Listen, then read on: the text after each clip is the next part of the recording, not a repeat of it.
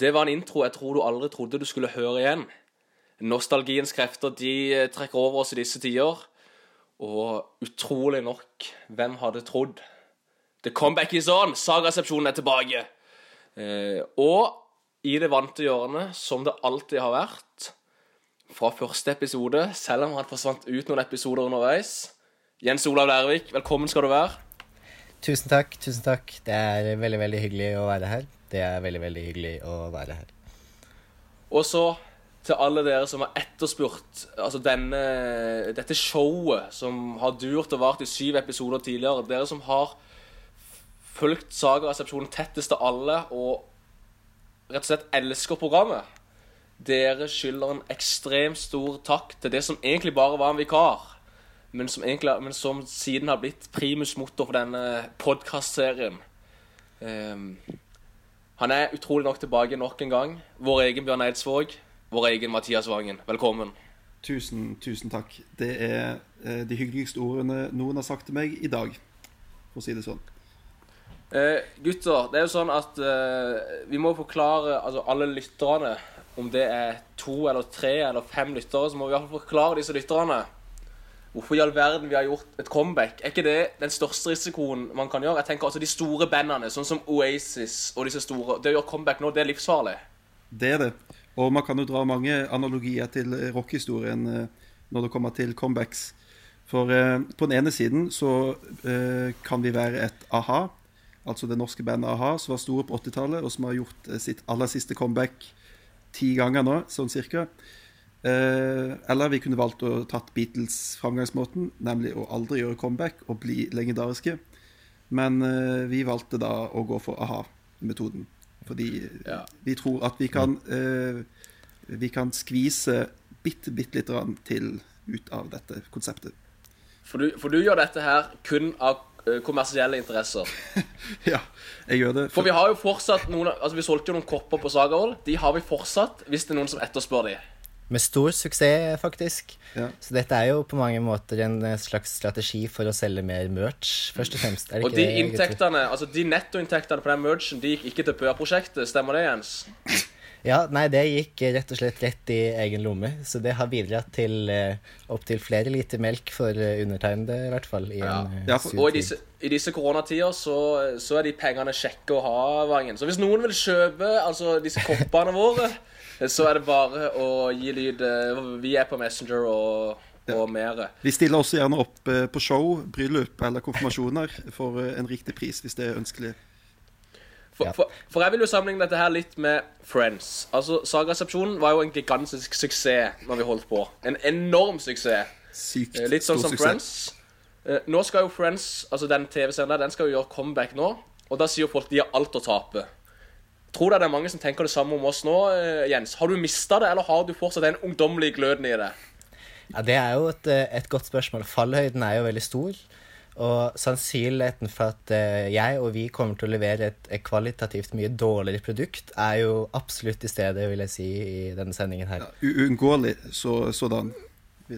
Men likevel så tenker vi at vi kan dra med oss alle sammen i, i fallet og levere ja, nok et terningkast uh, to-tre produkt til lytterne våre. For, for, vårt hovedmål i denne sendingen det er først og fremst å gjøre som Buzz Lightyear i Toy Story-filmene, nemlig ikke å reise seg opp, men å falle med stil. Slett en sterk, sterk referanse, referanse der. Den Referansene sitter løst i dag. Uh, den, den må du huske å skrive ned. Ja. Yes. Men, Men, så er det sikkert en del som lurer på hva vi i alle dager skal fylle denne sendingen med, når det tross alt er ganske mange år siden vi har vært på Sagavoll. Ja, for det er jo spesielt, eh, Jens. Det er jo veldig spesielt. Og altså, det, en annen ting er jo her tidsepoken. Altså, Har tidsepoken for Sagaseplonen gått forbi? Akkurat som et band som for eksempel er store på 80-tallet, at den type musikk den er ikke holdbar lenger den dag i dag? Eller mener du at innholdet vårt det, er, altså det vil stå sin tid? Det vil alltid være aktuelt, uansett?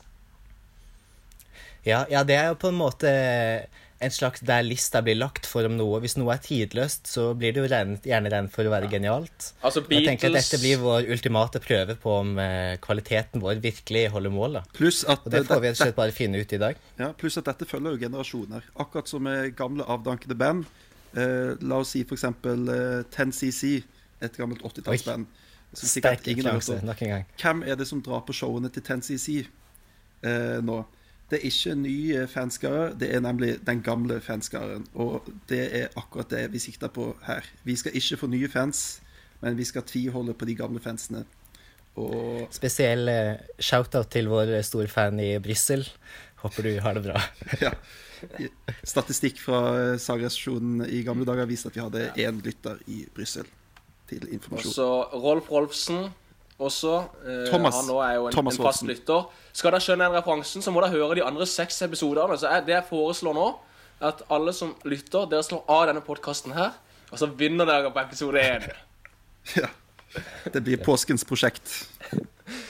Men, eh, men mange her, altså mange av de faste lytterne, altså ekspertene på Sagresepsjonen, de har jo hevda vi gjør dette her egentlig kun for å bare befeste vår posisjon som et bedre podkasttilbud enn Sagarådet.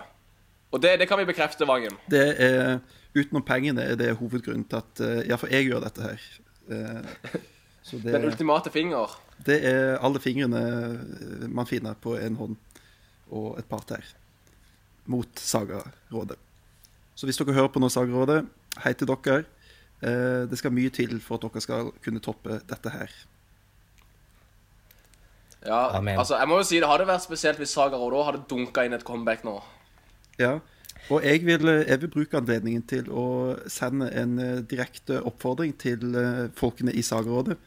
som da er Magnus Østfold, Ingeborg Eikenes og eh, Hvem andre var det? Ingvild Svendsen. Og eh, Ja, det tror jeg stemmer. det var vel kanskje alle. Hvis jeg har glemt noe nå, så sender vi en eh, varm tanke til de. Koselig, koselig. Og så er det jo, som, så mener du også, Vangen, du har jo gått ut av en lim, for du mener det er mange sånne her Det er mange usannheter, altså rykter, altså ting vi, som har vært snakka om på Sagervold, som må nøstes opp i. Som du, du Du har vel annet fått noen rykter på deg som du egentlig ikke vil ha. Stemmer ikke det? Så det er vel litt av grunnen for å bare renvaske ditt eget navn nå, og så få alle andre nede i dritten, at du lager denne podden. Det, det er jo alltids mulig at uh, noen sånne ting vil dukke opp i løpet av programmet. Men uh, man kan jo ikke brenne av alt kruttet på en gang, så det får vi ta seinere. Men eh, gutter, gutter, nå tror jeg eh, at mange av våre største fans i Brussel og i Norge og i Gvarv litt spent på hva er det vi har gjort de siste fire årene siden sist. For det har jo gått lang tid, og vi har eh, hatt mange prosjekter som vi har holdt på med eh, noen større enn andre. Så eh, hvis dere skal oppsummere deres fire siste år helt kort, eh, hva er det som har skjedd med dere som individer og som mennesker? Kan du begynne med Mathias, f.eks.? Nei, hva skal, hva skal man si? Eh, det har egentlig ikke skjedd veldig mye. Det har gått stille og rolig for seg. Ja. Nei da, det, har- det har jo skjedd en del, men jeg vet ikke hvor interessant det er for folk å høre. Eh, hva skal man svare på sånt, Ry Ryktet vil jo ha det til at du også har eh, bedrevet podkast eh, utenom Saga-resepsjonen. Noe som i og for seg Ja, er litt eh, Det, det, det er sjokkerende. så- det hadde jeg ikke tenkt å snakke om det, men det er for så vidt riktig. Jeg driver en Leeds United-podkast med ganske mange flere lyttere enn Sagasepsjonen. Men nå får vi se da om Sagasepsjonen kan, kan, kan, kan heve det igjen. Så hvis det, er noen som, hvis det er noen som lytter på og har lyst til å høre om mer Leeds, Side Before Self Vi er på Spotify, vi er på Soundcloud, vi er på iTunes, whatever. Bare søk oss opp. Ja, Jeg Skamløs tenker jo reklame at Veldig skamløst. veldig skamløst. Jeg tenker jo at eh, Sist gang så hadde vi såpass stor suksess at vi til og med kom over Juntafil på podkastlista. Det, det er mitt eh, personlige Nå har vi snakket mye om våre mål for denne sendingen, da, men det er absolutt et personlig mål for meg. At vi igjen skal da komme oss akkurat over Juntafil på podkastlista. Så hvis du føler for å streame denne sendingen flere ganger, gjør gjerne det. Og ikke streame Juntafil. For det skal Men, si, men vår, vår, litt vår hovedkonkurrent ved siden av Sagerådet er tross alt Jutafil, så vi, det er viktig at vi tar de. Absolutt. Men for å svare seriøst på spørsmålet ditt, Vangen, så, eh, så studerer jeg i Oslo for å bli, eh, for å bli lærer. Eh, Eller lektor. Går sammen med Alexander Kiplesund, min Hei, hei. gode venn fra Fjordheim 1, som også var en del av dette legendariske kullet. Og så, eh, så jobber jeg som fotballtrener på sida og, og tar kurs der òg. Og så eh, har jeg vært stipendiat på Saga Volå i mellomtida. Det, det kan jeg jo legge til. På safari, vel å merke. Det er en knallsterk CV. Hva med deg, Jens Olav? Helt kort. Helt kort så har jeg en utrolig mye svakere CV enn eh, Mathias. Det har gått jevnt i nedoverbakke siden jeg slutta på Sagavoll. Eh, som vi får håpe at ikke så mange andre kan kjenne seg igjen i. Men jeg har annet hatt gleden av å bo med Mathias Vangen, rett og slett. Og opptil flere også Hei, hei. i eh, For du har Ja. ikke bodd med meg. Jeg har bodd med deg også, det har jeg. Men eh, kvantitativt eh, litt færre antall år. Men kvalitativt Eh, mye bedre. Kvalitativt utrolig sterkt. Utrolig sterkt. Det var jo faktisk Vangen som overtok mitt rom i det kollektivet. Ja, og Ja. der bor jeg ennå. Men nå skal ikke dette bli en eh, Sofies gate 78 på Bislett i Oslo-podkast. Det blir en annen podkast. Det blir neste podkast. Men jeg kan si helt kort at jeg, har stu- jeg studerer statsvitenskap på universitetet. Har studert, tatt en bachelor i sosiologi. Har vært involvert i eh, fundamentalistene i Miljøpartiet De Grønne. Og vært eh, sterkt involvert i studentdemokratiet på Det samfunnsvitenskapelige fakultet. Det- Du har blitt en klimaforkjemper, med andre ord. Og jeg, Jeg har blitt tilfeldig en Miljøpartiet De, De Grønne galning. Og det Ja. er jeg meget stolt av. Helt tilfeldig så gikk jeg forbi en bar her uh, for noen måneder tilbake. Og da så jeg en intens debatt mellom uh, uh, Vangen og en annen uh, Sagvold-kjemper. Han var nok litt mer fan av olje og Ja. eh, penger. Stemmer. Olav Grødem der, altså. Det var Olav Grødem. Ja, vi, vi kranglet eh, hardt og intenst om hvorvidt eh, Norges framtid ligger i oljen eller ikke. Hvor jeg mente nei, og han mente til dels ja. Eh, jeg skal ikke legge ord i munnen på Olav Grøden, for han er ikke her til å forsvare seg. Men eh, det var en spennende debatt. For det er jo, vi må si at det er jo eh, et enormt program her i dag. Vi skal ha en haug med gjester. Eh, gameshows, you name it. Altså, vi vil jo nøste opp i hva er det egentlig som har skjedd. Eh, hvordan går det med folk? Hvem er med hvem? Hva skjer videre? Eh, så jeg tenker, skal vi egentlig bare begynne, gutter? Ja, Vi kan jo først oppsummere helt kort hvorfor vi gjør dette her. Eh, Ja. For det er jo noen gode grunner bak at vi velger å gjøre det, og vekke liv igjen i dette eh, liket som er Sagavold 1516. Og Jens, hvilke gode grunner er det egentlig vi har for å gjøre dette her? Nei, eh, jeg tenker jo at uh, i slike tider, som uh, har blitt et veldig fast uttrykk uh, den siste tiden, og er allerede ganske så oppbrukt, men jeg velger å bruke det allikevel, så er, kan det jo noen ganger være litt godt å se tilbake igjen på noe som var trygt og godt og kjent og kjært.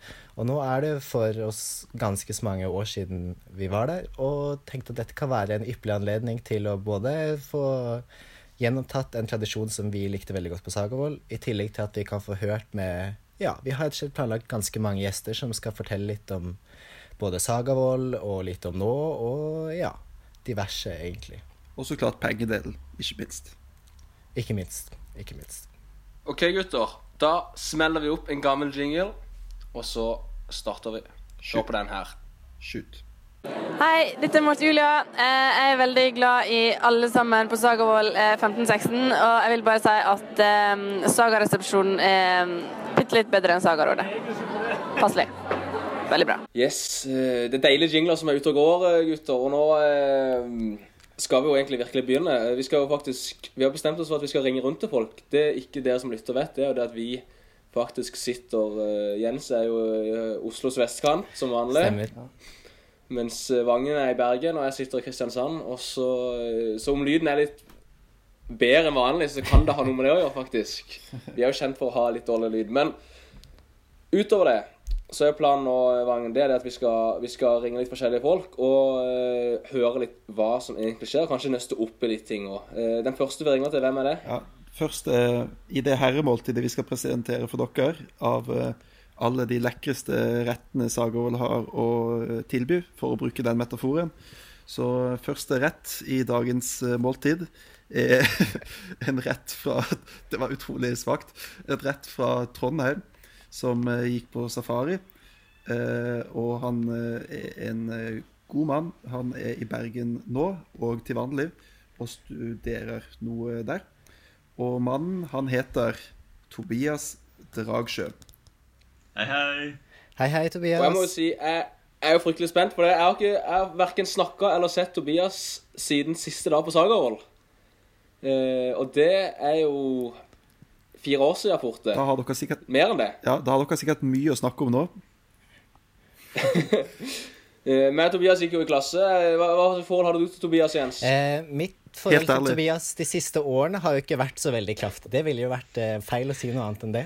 På mange måter. Jeg har sett Tobias én gang, da. Siden vi slutta på, på Sagavold. Det var et veldig hyggelig gjensyn. Det lurer jeg på om var første året etter Sagavold, faktisk. Men nå har det vært tre lange år, så da er det ekstra godt å kunne slå av en prat. Så Sagaresepsjonen har nesten blitt Tore på sporet nå. Vi har funnet deg, Tobias. Og Tobias, for det første, lever du? Jeg lever. Hvordan er ståa i Ja, hvordan er ståa i Bergen eh, for tiden? Vel, akkurat nå så har det vært eh, sol i dag, og det er jo litt eh, sjeldenhet, så jeg har vært eh, ute og nytt finværet. Så bra. Ja. Men hva, hva gjør du på i Bergen? Det er det sikkert mange som ikke har fått med seg. Ja, eh, jeg studerer juss på andreåret. Det er sterkt. Har du en favorittlov? En favorittlov? Tja Jeg syns jo forvaltningsloven er ganske fin, da. Ja, ja, den er fin. Jeg er veldig glad i straffeloven sjøl. Jeg syns det er en vakker, vakker. Ja, godt valg, godt valg. Det er en god nummer to for min del. Jeg er veldig glad i eh, kontraktsrett. Det er min favoritt. Har du noen favoritt? Ja. Eh, Før vi mister alle lytterne her, eh, eh, Tobias, kan ikke du fortelle litt? Hva, eh, hva driver du med? Hobbyer for tida? Hva har skjedd siden Sagavold? Hvem holder du kontakt med? Hvem holder du ikke kontakt med? Og så videre. Ja. ja. Nei, jeg kan begynne med det som skjedde etterpå. Eh, jeg gikk eh, Etter Sagvold så dro jeg til Forsvaret. Var i eh, Oslos garnisonsforvaltning. Sto vakt. Og så etter det så var jeg på en tur med Simon Winnes. Transsibirsk jernbane. Gjennom hele Sibir, fra Moskva til Beijing. Eh, og så etter det så ble det litt mer reising, så da jobba jeg et halvt år i Barcelona som engelsklærer for barn, og så et halvt år i Frankrike som snekker. Oi. Eh, og så etter det så stakk jeg tilbake til Trondheim, nei, Norge, eh, og, eh, og begynte å studere juss her i Bergen. Det er, jo nå, det er jo nå vi skjønner hvor parkerte vi er, Jens. Som ikke har gjort noe. I aller, aller høyeste grad. Absolutt. Jeg har parkert bussen Knapp i. Oslo og ikke flyttet oss derfra de siste fire årene. Knapt nok vært i utlandet overhodet de siste fire årene. Eh, noen eh, minner fra Sagvold du har lyst til å dele, eller noe som du sitter igjen med, eller et eller annet som, eh, Kanskje ett øyeblikk. som har gått Jeg hus forbi? det- Ja. Ja. Jeg, altså, jeg, jeg vil jo si at den walkabouten som vi gjorde, Mathias, det var noe helt spesielt. Ka Det var ganske fantastisk. Det var ganske utrolig. Ja, Ja, ja. fortsett. Bare det Hva, hva, hva Ja. skjedde? Hva Nei, altså, vi, vi fikk jo ordføreren i Svalbard til å betale reisen vår, flybilletten tilbake til Tromsø. Og han plukka oss opp på flyplassen og fiksa leilighet for oss, alt mulig.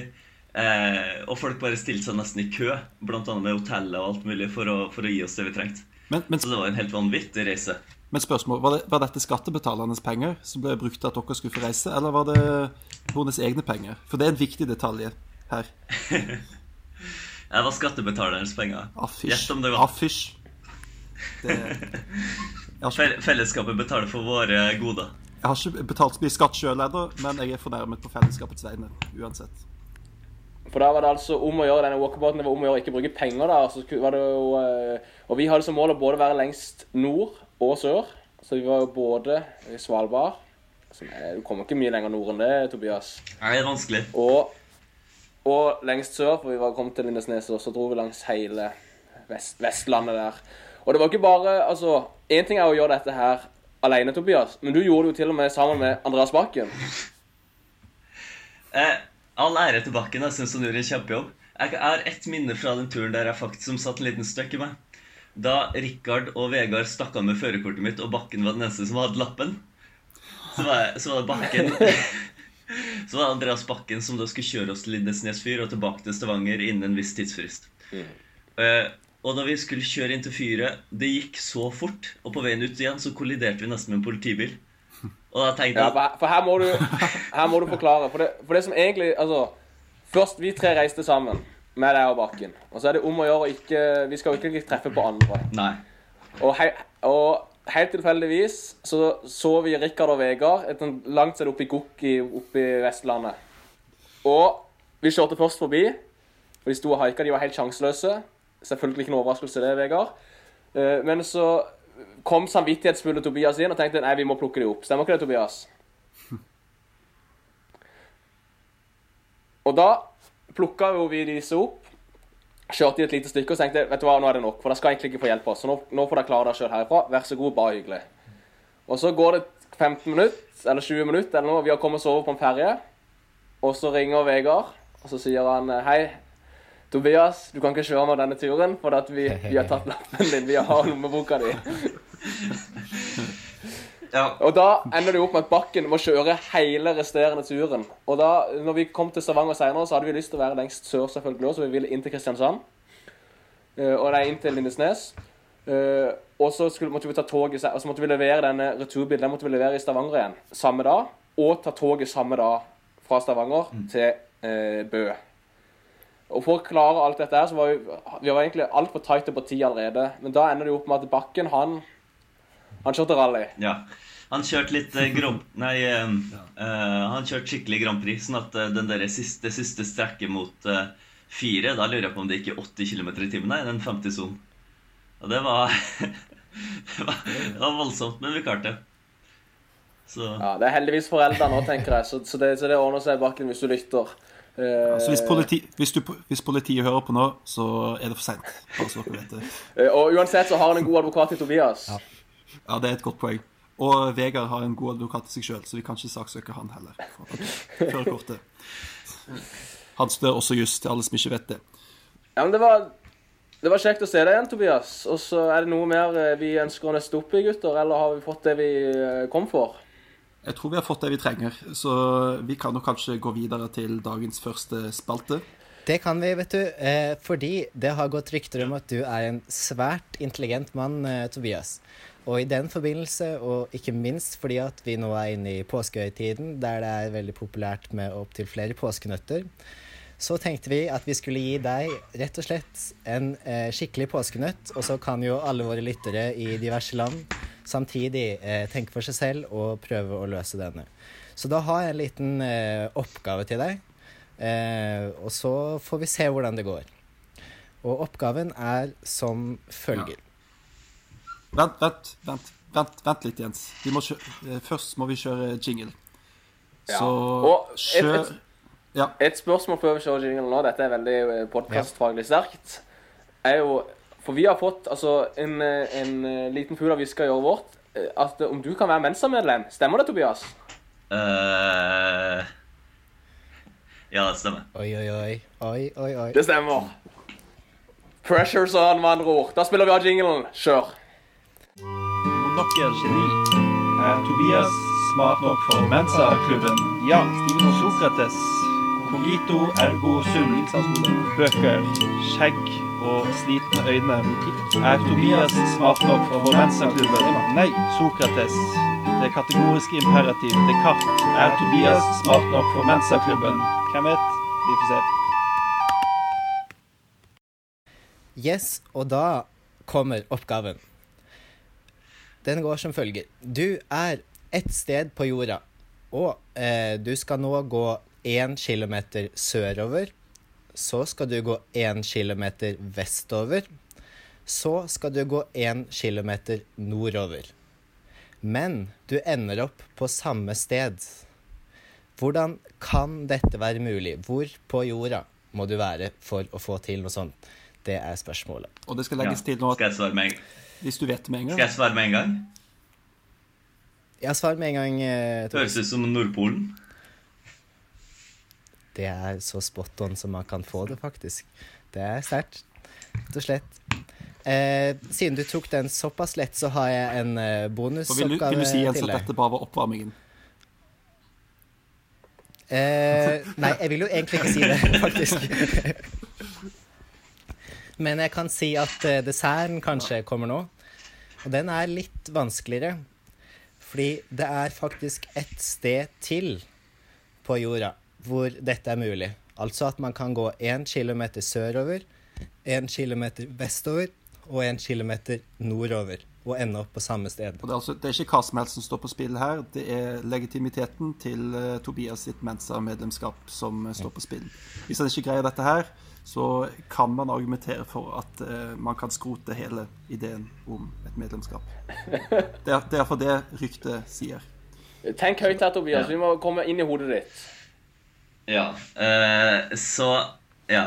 Så akkurat Det høres jo ikke ut som det funker på ethvert sted på jorda. Eh, og siden Nordpolen allerede er tatt, så går jeg ut ifra at det må være noe nært Sørpolen, og det kan ikke være Sørpolen, for man begynner Ja. å gå en kilometer sør. Men hvis jeg da sier at, man, at det er et vilkårlig sted en kilometer nord for Sørpolen Er det riktig? Det er så utrolig godt forslag at det må gi rett på det, altså. Rett og slett. Det er ikke mye dere har lært på det legestudiet. Nei, det er ikke så mye vi har lært, men jeg kan, vil tippe at uh, de fleste vil ha ganske store problemer med å løse dette her. Man må uh, være en kilometer fra uh, Man må ta, ha et område som ligger like ved Sørpolen, hvor man kan gå rundt Sørpolen og gå én en kilometer. Altså og hvis man da starter en kilometer nord for dette stedet, så kan man først gå en kilometer sørover, så gå en kilometer i sirkel rundt Sørpolen, og så gå en kilometer nordover igjen, og opp og tilbake igjen til samme punkt. Det er fasiten. Men det var utrolig sterkt, eh, Tobias. Det er to og to. Men da, du, jeg har òg en. Jeg har òg en. OK, kjør på. Eller, den var egentlig Den hadde vi faktisk på Sager, og det var en Håvard hadde. Eh, hvis Hei, Håvard. den, gutter. Ja, en liten shout-out til, til stipendiaten vår. Og det var, Dette er geografispørsmål, og det, det passer deg bra, Tobias, gjør ikke det? Eh, kanskje? Vi får se. Og spørsmålet der er som følger. Eh, nå burde jeg jo hatt det foran meg her, men jeg husker ikke helt hvordan ordlyden var. Men det er altså Det er to land i verden, altså to innlandsstater i verden, som grenser til andre innlandsstater. Oi. Hvilke er det? Og en innlandsstat, det vil si at den grenser ikke til noe hav. Ja. Ok, den første, Så den første der er jo ganske grei. Det må jo være Liechtenstein. yes. Ja. Den er sterk. Eh, den andre må jo være Det kan ikke være Afrika. Fordi at Kongo grenser til havet. Og det eneste andre landet i sentrum der er Sentralafrikansk republikk. Så det må være Sentral-Asia. Oi, oi, oi. Og da tipper jeg at det er Usbekistan. Ja, Hvis dette er riktig, så er det eh, helt sykt. Jeg må si jeg, Nå har jeg ikke fasiten foran meg, men jeg er ikke sikker på det er riktig. altså. Du stiller et spørsmål du ikke vet svar på, Mathias Navjord. Dette er det svakeste jeg har hatt hele tiden. Og en, en har for svaret, jeg. Jeg, skal, jeg har svaret her nå, gutter. Jeg skal, jeg skal få det bekreftet nå. Jeg hadde ikke tenkt å stille det her. Grunnen til at jeg stiller det, er fordi at eh, Jens var så ulidelig svak i sine spørsmål at Tobias tok det så lett. Jeg hadde lyst til å sette på en prøve.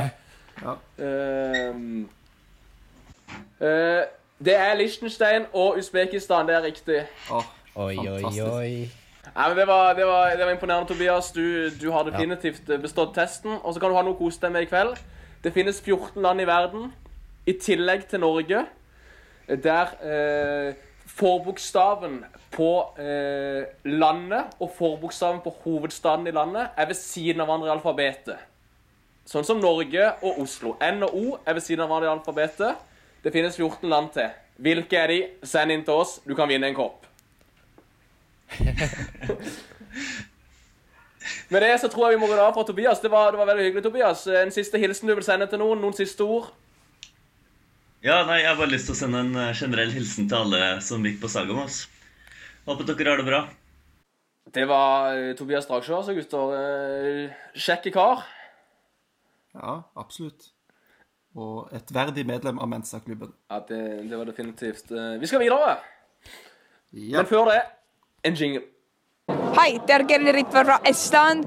I dag jeg skal si at let's get naked, let's love, and do not make war. Yes, eh, utrolig artig å få snakka litt med Tobias. Jeg synes eh, Det er ikke ofte vi hører I hvert fall ikke jeg hører fra han. Så det var kjekt å få en liten catch-up der. eh. Men vet du hva? Vi har såpass mye på programmet at vi må bare komme oss videre. Og jeg ga deg, Jens, og deg, Mathias, jeg ga dere en oppgave ved. Og det var å finne gjester. Ja. Og dere klarte ikke altså å finne noen andre gjester enn den dere bor med, rett og slett. Dere kom ikke lenger. Det er kjempesvakt.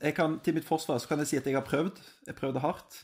Jeg prøvde blant, jeg prøvde blant annet å få Martin Usterud til å komme i dette segmentet av eh, programmet, men han var, dess, han var dessverre opptatt med å mate fiskene sine, så han kunne ikke komme. Så du valgte altså Og når du ikke du kunne ta Usterud, da tok du det nest beste. Og hvem er nest best da, fra Usterud? Da ble det Da er det Kenneth Johan Iversen. Han er et steg eh, bak eh, Martin Usterud, men ikke så langt at det er et problem for programmet. Så Ja, hei er sann, jeg heter Kenneth. Jeg er et steg bak Martin, og det har jeg vært hele mitt liv.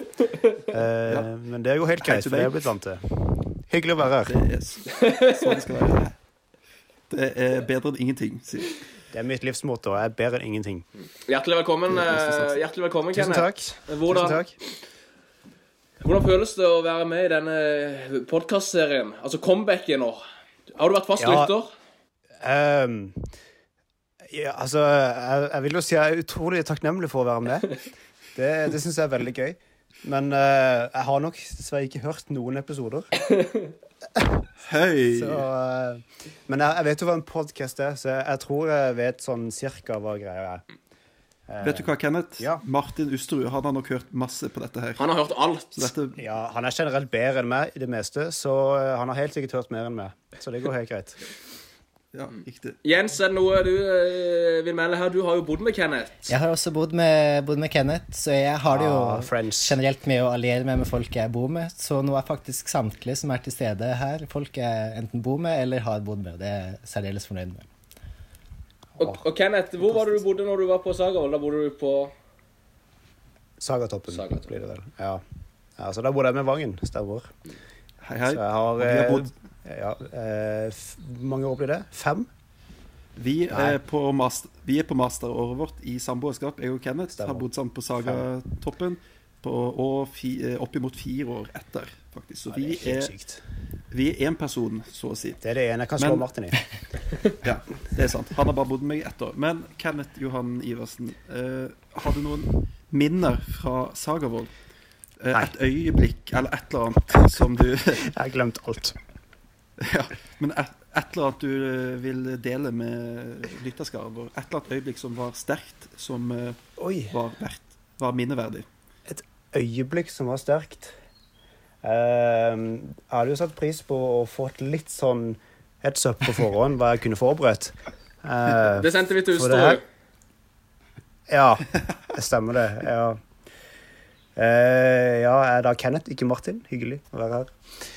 Eh, et øyeblikk oh, er, det noe, er det noe man sier at det er så mange? Eh, Det kan du si. ok, Jeg husker et spesielt når, vi, når Stippan var borte. Så eh, gikk vi til DS, kanskje 40 stykker, og eh, lagde en eh, snap. At vi dansa på bordene. Eh, Det var ikke lov. det var ikke lov. Eh, og det syns jeg var veldig gøy. Det var et godt minne. Jeg har den videoen ennå. Jeg kan legge den ut hvis noen vil ha den. Veldig gøy. Eh, ja, Det er sikkert mye, gøyere, mye ting som er gøyere enn det, men det var det jeg kom på nå. Så det var det du brukte de 120 000 kronene det koster å gå på folkehøyskole på. Det var altså hoppe på, hoppe på bordene. Ja, ja, men jeg har egentlig brutt loven hele mitt liv, så jeg tenker at jeg må jo gjøre det der òg. Og så er det jo sånn, du bodde jo med Usterud bodde vel òg på Sagatoppen, gjorde han ikke det? Det gjorde han. Det gjorde han. Og flere andre bodde der òg. Uh, var det, Det noen du, eh, som du ikke kjente godt, som tenkte dere kommer ikke overens? Men så kom dere overens. Eh, ja, utenom Vangen, så uh, er det jo uh, er, er, det noe Det er jeg, faktisk helt sant òg. er det noe jeg skal liksom gradvis gå inn til neste gjest? Ja, du skal egentlig ikke introdusere noen gjest til gjest, men Å greit. nei! Du kan få lov, Nei, okay. du kan få lov hvis du vil. Nei jeg, har, nei, jeg har ikke planlagt det, så det går fint. Eh, jeg kan si at Nei, min roomie kommer jeg godt overens med. Ja. Eivind Blå. Ja. Vi er dessverre ikke med, vi er dessverre ikke med Eivind Blå her i dag. Ah, Men vi har tatt med en, en annen en. En som var god venn med Eivind Blå en periode, i hvert fall. Uh, og, uh, for vi tenkte jo at vi kan ikke ha med Kenneth hvis ikke vi har med han her også. Så det vi, og den mannen her, han gikk også safari, og han sa uh, off-air her i stad at han heller eh, Han òg gleder seg til å høre fra Tobias igjen. Men vi har ikke tatt han sammen med Tobias, vi har tatt han med Kenneth. Dette var en rotete intro, men eh, mannen er svært ryddig. Han, eh, han var 17 da han var på Sagervold, så han var egentlig eh, Han var underårig. Nå er han Han var for. Tidlig utviklet. Nå, Nå er jeg eh, 22. Nå er du 22, og alle hører dette. Dette er Leon Vivei. Stemmer. være riktig, var det? Velkommen. Uttalte riktig, mente jeg. Ja, det er ikke mange som gjør det. Nei, det er ikke mange som greier. Så er det noen som husker, så hadde vi jo en sketsj Dum og dummere på Sagervold på rollebryllupet. Mhm. Det var jo en suksess der, Leon. Vi fikk jo til og med kyssa litt. Ja, stemmer det. Det var et stort øyeblikk. Det var jo et minneverdig du kunne sagt eh, på stående fot, Ja, men eh, det er ikke så godt minne, for jeg har fortsatt litt sånn fiskesmak på munnen. Ah. Eh, Så det går liksom ikke helt vekk. Nei, jeg skjønner. jeg skjønner. Men du, Leon, Nei, vi, må, vi må få Ja. opp noen altså, Det har gått litt uh, rykter og sånn historier i ettertid. Stemmer det at du gikk hele Sagervold-tida uten Facebook? Ja, det stemmer. Ja. Så du, Hvordan fikk du med deg beskjedene, da? Uh, folk fortalte meg. Og så var det alltid beskjeder i, å si, når vi spiste middag. Ymse. Jeg fikk det med meg i hvert fall. Jeg, jeg tror ikke jeg klippa noe. Jeg håper ikke det, i hvert fall. Nei, du skulle Men du var på mange måter Jeg vet ikke hva jeg har klippa, i hvert fall.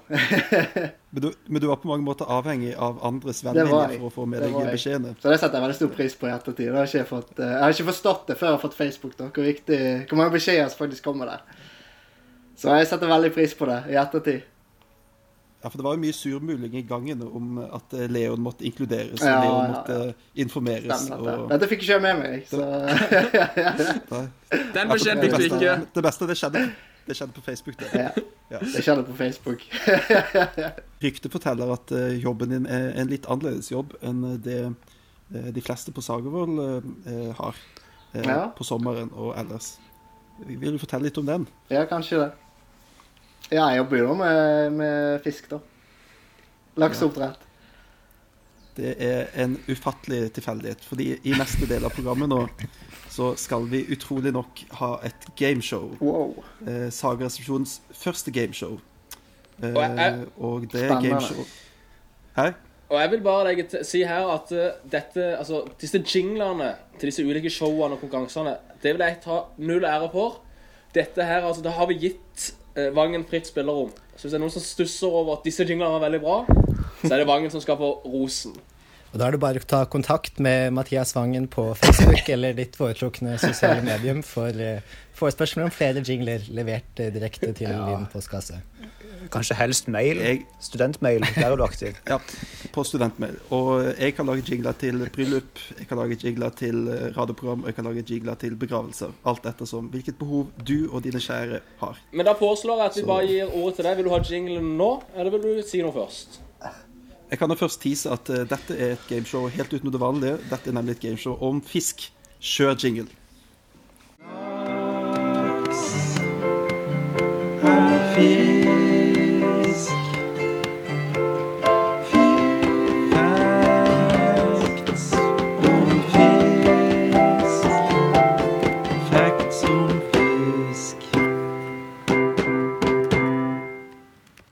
Dette er et uh, banebrytende konsept, for det første, eh, fordi dette er et gameshow om fisk.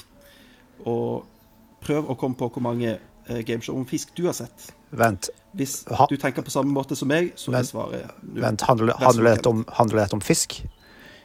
Jeg kommer til det. Så reglene for dette gameshowet er at eh, jeg, programlederen deres i programmet her og i livet Mye selv programleder i monitor nå.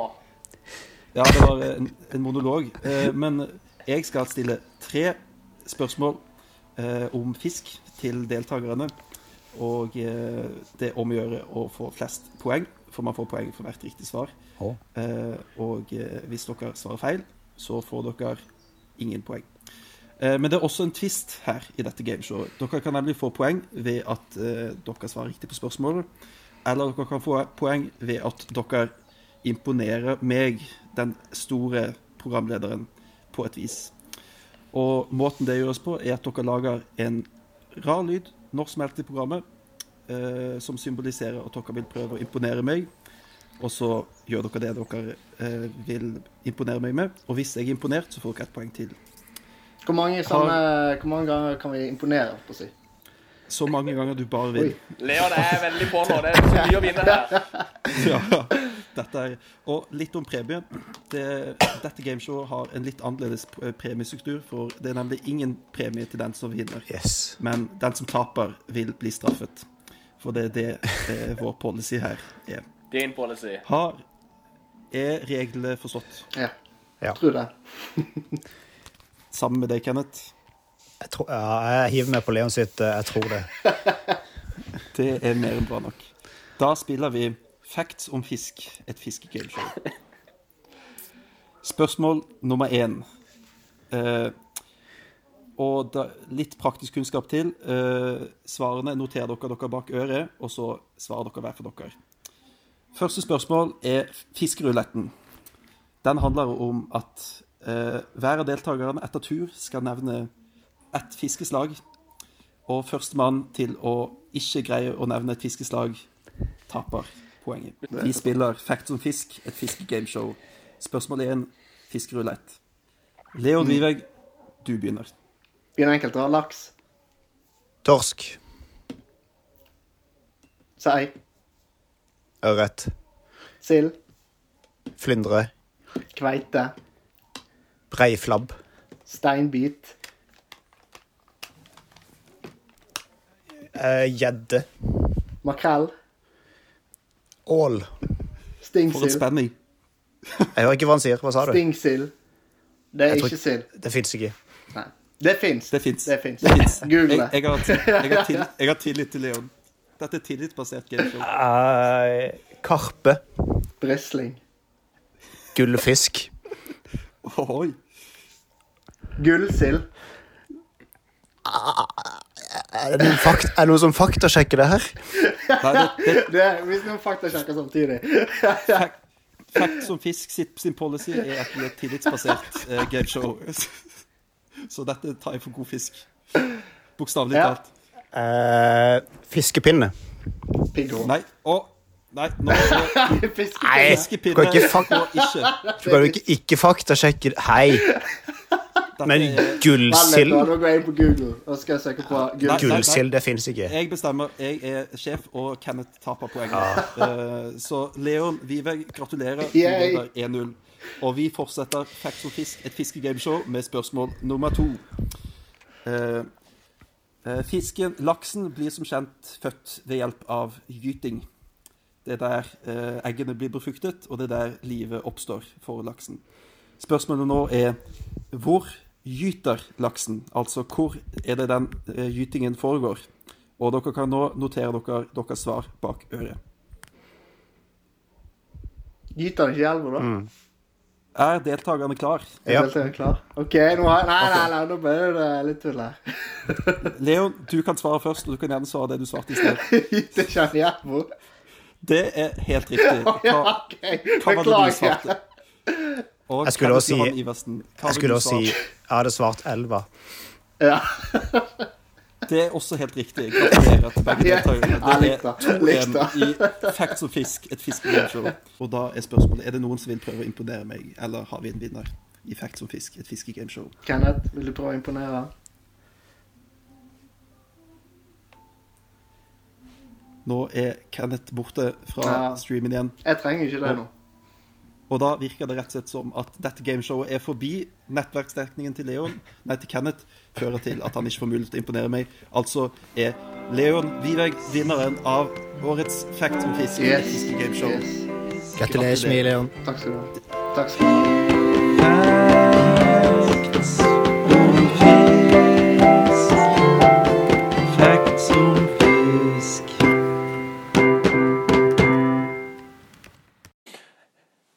Tror vi nærmer oss slutten med disse her to guttene her. Vi må videre. Det var spennende å snakke mer. Leon, har du til slutt noen ting du sitter igjen med? Noen, en god historie eh, fra Sagervoll-tida? Noe du sitter på som du tenker dette må jeg fortelle til folket? Eller eh, et eller annet du har lyst til å si da til, til alle lyttere og til alle som var en del av 1516?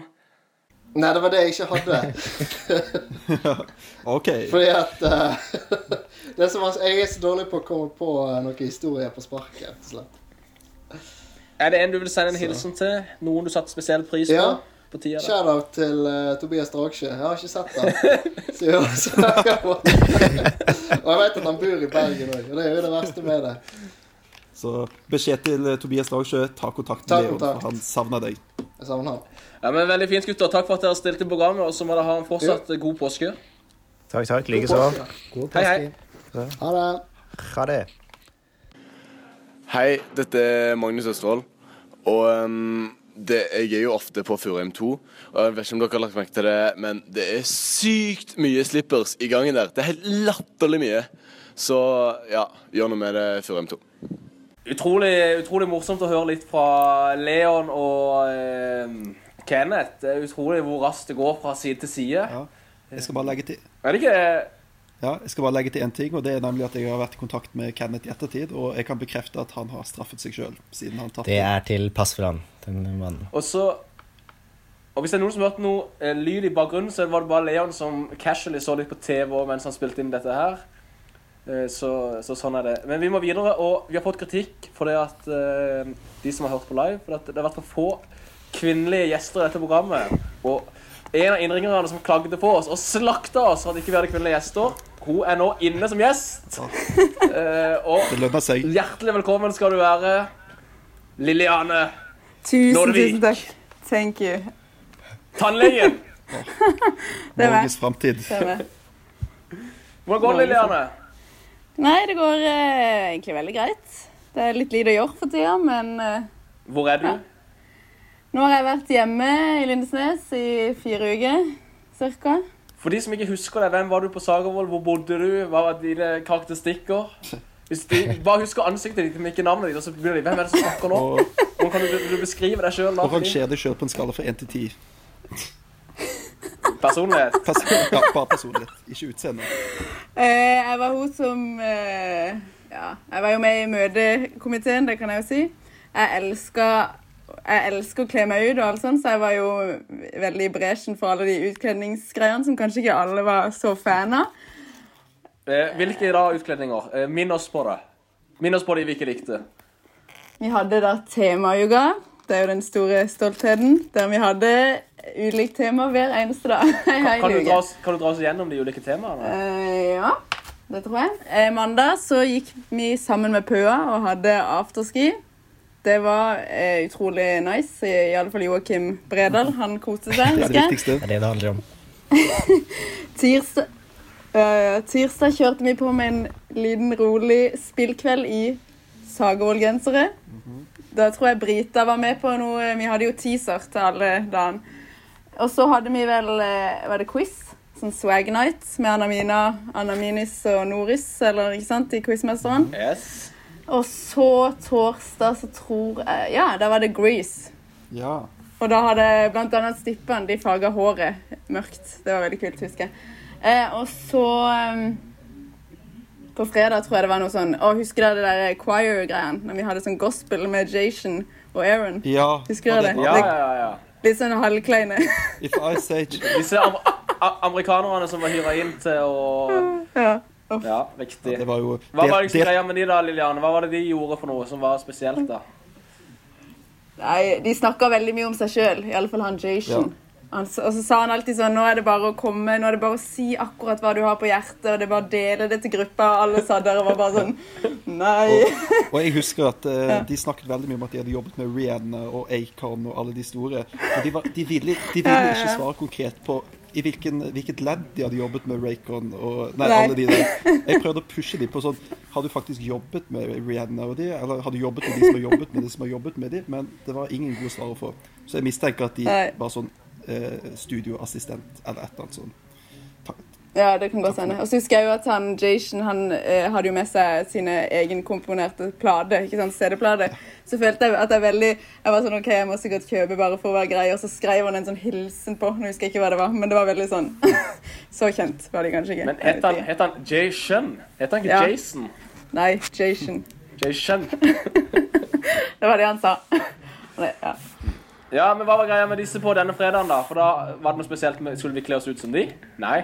Nei, da var det sånn elegant, husker jeg. Det var Marie og Martin som hadde en sånn intro der de tok en piruett og noe gikk. Ja. Nei, det var bare gospelkveld, tror jeg. Ja. Ja. ja. Ikke noe i helgene? Nei, det må jeg faktisk si at det skuffer. Altså, det var egentlig bare en hverdags temauke, ikke en hel eh, uke. Så det skal jeg ta jeg- kritikk. Jens, fikk du kledd i disse tingene denne uka?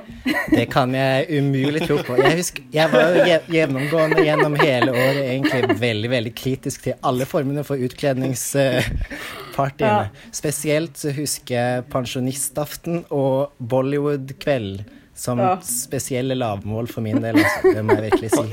Det, det sitter dypt inne, og jeg husker det fortsatt en dag i dag. Hva vil du si, Jens, at var så, hva var det som gjorde at du er, har så negative minner til pensjonistaften og Bollywood-aften? Eh, Kanskje først og fremst på eh, Bollywood-aften så hadde vi på krikk vært på en lang tur. Og vi skulle endelig ha noe indisk mat. Vi hadde gledet oss skikkelig til det. Var veldig veldig sultne. I hvert fall jeg tenkte nå skal jeg for en gangs skyld bare få sitte i matsalen og spise så mye jeg bare orker. Men så måtte vi sitte på gulvet i eh, allrommet, eller hva det het, og spise med hendene. Det ble et forferdelig kaos. For en nordstrandsgutt, er det skandale. Ja. For meg så var det en skandale der og da. Det satte dype spor. Det er jo et slag i trynet til alle de som har vært ute på tur.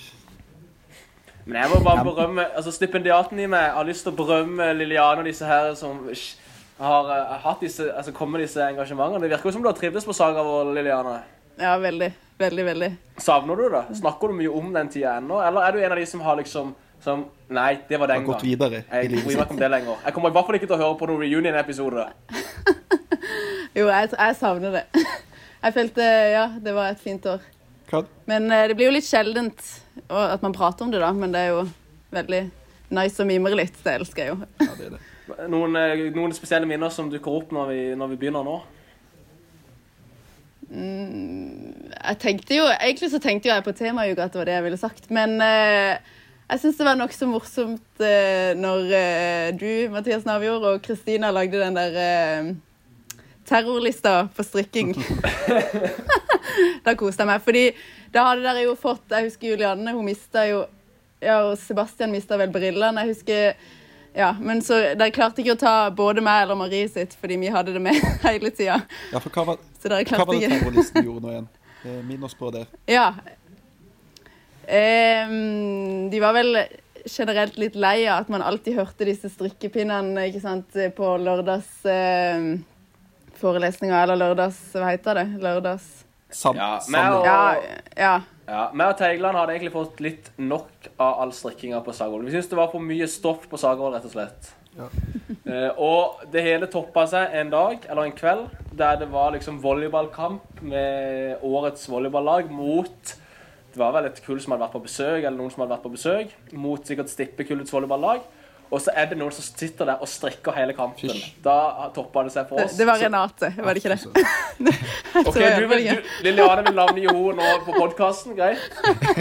Jeg liker veldig godt Renate. Fantastisk stemme på Renate, forresten. Men eh, det kan godt være. Renate var en av de. Hun var i hvert fall på terrorlista. Så det som skjedde da Jeg har var, aldri strikka i hallen. ja. Ja. Og det som skjedde var at vi fikk eh, meg og Teigland fikk nok. Og vi tenkte nå tar vi et skikkelig raid, og så bare tar vi alt strikketøyet til alle sammen. Eh, når eh, um, når, Rett etter underholdning. For da er alle inne i DS eller i, i, i matsalen. Og så rett før vi skal spise, så tar vi bare en runde rundt på alle, alle åpne dører inne på Inne i de ulike etasjene. Og så bare raida vi alt mulig vi fant der. Gjemte det på rommet sitt. Og så var jo planen at eh, så, det, og så lagde vi en terrorliste. eh, Som vi lagde på biblioteket. Vi turte ikke å skrive på noen av våre PC-er i tilfelle noen skulle finne det. og så, så, tok vi, så skrev vi opp de ti verste, og da tror jeg Liliane du var på første eller andreplass. Ja, noe sånn. Ja. Ja, og da var greia, Hvis vi ser noen av de strikke på fellesarealene igjen, så mister dere strikketøyet for godt. Så det er terrorlista der alt strikketøyet lå ved den terrorlista. sant? Så etter en uke eller fire dager så, lå alt, så fikk de alt strikketøyet tilbake. Men det var en Ja. liten, liten, en liten finger om at hei, hei, vi må begrense det litt her. Mm. Men i ettertid som stipendiat så berømmer jeg alle som strikker. Dette, nå får jeg assosiasjoner til en uh, nyhet i en lokalavis som jeg leste en gang i tiden. Hvor det var noen gamle gubber, er gretne gamle gubber som uh, var på kommunestyremøte eller et eller annet sånt, og så var så lei av at damene satt og strikket. Så som en eh, mot, motreaksjon mot eh, damene sin strikking, så satte de seg ned og spikket på møtet. Fordi de mente at det var like ille. Og jeg er litt, litt der du var, eh, Mathias Navjord. Eh, og Ja, jeg er gammel og bitter. Gammel og bitter og hater strikking. Men det virker som at du har lært og blitt et ja. mer tolerant menneske. Ja da. Jeg, eh, jeg har aldri blitt stoffavhengig sjøl, men jeg skjønner jo at det er, noe, det er noe der. Og Liliane, du har strikka mye. Har du strikka noe i det siste? Det regner jeg med nå som det har vært så mye korona. Ja, ja, ja. En genser. Nesten. Ja. Jo, det blir masse av det. Hele tida, faktisk. Men apropos spikking, så tenker jeg at er ikke det en trend man kunne få litt i vinden igjen? På Sagavoll og i andre sosiale sammenkomster. I, i tenker i tider hvor, sånn som med korona nå, eksempel, hvor det er litt mye stress ute og går, så kan det jo være godt å ha noe å holde på med ja. og ha litt fokus på. Ja, rett og slett. Jeg ser for meg altså, spikking som valgfag, eksempel, eller noe sånt. Det føler jeg absolutt har et, et potensial, altså. Det må jeg si. Ja. Så st eh, st eh, spikkemeditasjon, det er en ganske god idé. Ja. Det er en slags eh, mindfulness på, ma det. på mange måter, Er og på mange måter ikke, selvfølgelig også. Ja. Ja, enig i det. Men, eh, men Jens Olav, eh, Liliane har jo et svært godt rykte eh, eh, på Sagvoll. Og er godt, er godt, lik, godt likt og eh, har skapt mye liv og mye røre. Men det har også kommet fram noen litt mer negative, eh, negative påstander og rykter eh, fra eh, Sagavoll, grasroten, eh, angående Liliane og de tingene hun har holdt på med. Vil du eh, fortelle litt om det? For dette må Liliane få lov til å svare på. Ja, eh, som, vi, som de gravende journalistene de tross alt er, og alltid har vært, så må vi ta jobben med oss å gjøre litt undersøkende journalistikk, da, rett og slett. Vi er vaktbikkjer. Eh, ja, rett og slett. Den fjerde statsmakt osv. Men eh, derfor så eh, har vi hørt rykter om dette med de krikk-julegenserne. Som veldig veldig mange av jentene gikk med rundt omkring i DS og overalt. Hva var egentlig greia med det? Ja, de mye omdiskuterte, de stygge Ugly Christmas Weather. Ja, Ja, hvorfor er de omdiskutert? fordi det var det dere skrev i årboka. Så, ja. Nei, Ikke skrev noe. Det er Jens som har skrevet den årboka der. I hvert fall bildene. Ta selvkritikk. Det er sant. Nei, eh, jeg tror jeg var nok kanskje en av de som var med og, og danna dette her. Eh, jeg, for jeg, tror at eh, det, hele begynte vel med at jeg syntes de stygge julegenserne Eller jeg hadde veldig lyst på en sånn sjøl, og så tenkte jeg oi, folkehøyskole det er jo en plattform for å lage en gjeng, og så kjøper vi det sammen, ikke sant? Så tipper vi egentlig at vi liksom gikk sammen noen få, og så tenkte vi oi, nå blir dette litt uinkluderende, vi må spørre flere. Men så endte det jo med at vi tok et helt bord i matsalen, og det ble jo kanskje litt mer uinkludert ja. enn det som var meninga. Men eh, det kan jo hende at jeg bare er en Ja, bitch ryk, ryk. som bare gjemmer meg bak et uh, søtt uh, søt fasade. Du, du, er fa Så det, you never know. du, er et fa du er et fasademenneske, Liliane. Det har du alltid vært. Ja, det tror jeg. Det er veldig overfladisk. Så. Har du mange onde tanker, er det det du sier? Ja.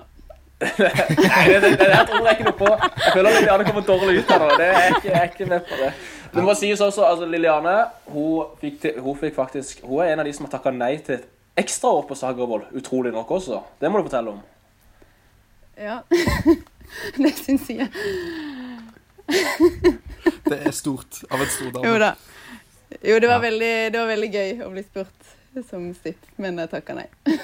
Hvilken linje var det du ble tilbudt? Og hvem var det som fikk han istedenfor deg? Hvem var andre valget til Sagervold? Jeg tror egentlig ikke det var noen Nei, jeg har ikke klart å erstatte Liliane. Nei, uerstattelig, faktisk. Til slutt. ja. Ja. Jeg tror jeg var, var vel på krikk, tror jeg. Eller at det var greia. Tanken var vel at du og Alex skulle ha det sammen, tror jeg. Ja. Vi skal jo ha Alex på seinere. Er det noe vi bør spørre han om? Om, eh, om dette. Hm. Nei, sånn generelt. Du kjenner jo han. Har ikke dere gått i klasse sammen? Jo.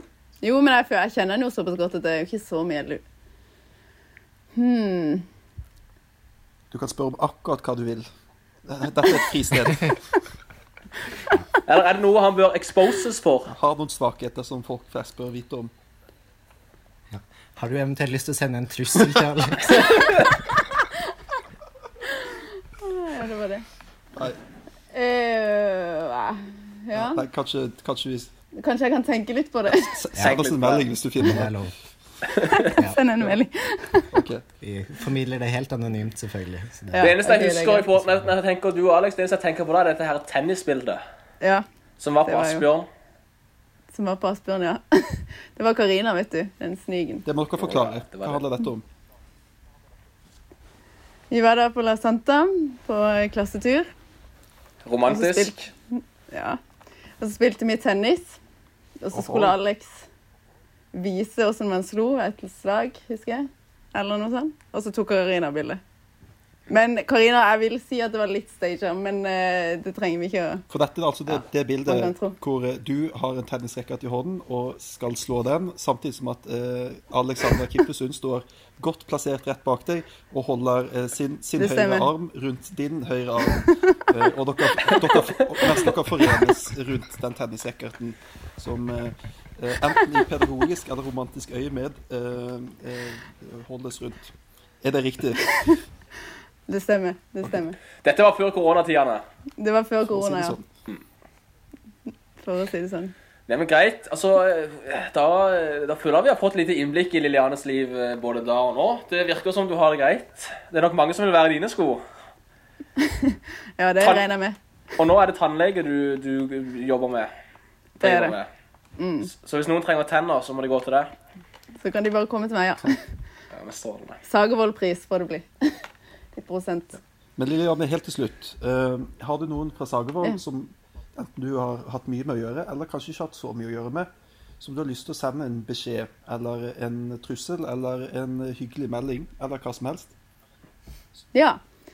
Eh, da tror jeg jeg vil sende en liten hilsen til Marianne, min eh, gode eks-roomie. Hun er Vi ble, brukte litt tid på å bli kjent, husker jeg. Men så ble vi veldig gode venner, så flytta vi sengene sammen, og det var veldig hyggelig.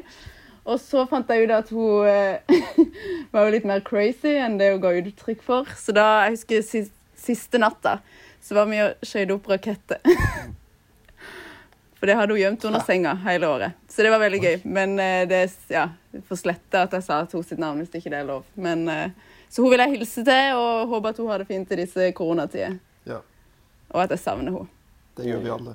Hvis ikke så tenker vi uansett at den forbrytelsen er foreldet. Og så har vi Ja, den forbrytelsen var rå. Poli- Det var verdt every risk. Så hvis, pol Tobias er advokat også, så vi kan bruke han. Han har vært gjest i og hvis politiet Ja, har sagt ja til å bistå oss med litt forskjellig. og hvis, Ja, og hvis politiet fremdeles hører på, så er saken foreldet. Så de kan ikke gjøre noe med det. Hvis politiet, hvis politiet hører på nå og har hørt seg gjennom hele quizen om fisk, så er jeg imponert. Har vi lyttere nå? Altså, nå har vi spilt inn i halvannen time allerede. Nei, men eh, Skal noe til. Takk eh, for at du var med i dette programmet, Lillian. Det var veldig fint å ha Ja. deg her. Og du får ha lykke til med eh, det du holder på med videre. Tusen takk for at jeg fikk lov å være med. Ha Dere det. er gode. Ha det bra. Ha det. Nå er det Eimund Rød her. Snakker om eh, trommeundervisning. 50 kroner til PØA. Ingen eh, trenger ikke noe bakkunnskap. Det er bra. Så be there. All hail Støtbuss. Det var koselig å høre fra Liliane. Det virka spesielt som at du likte det godt, Jens. Så det er jo bra. Uh, Liliane klagde jo over at det var for lite jenter i programmet. Uh, og nå har vi fått inn en ny innringer som har klagd over at det har vært for lite internasjonalt preg over programmet. Uh, og det har vi løst nå, for nå har vi fått besøk direkte fra Estland. Kerli Ritvel. Velkommen.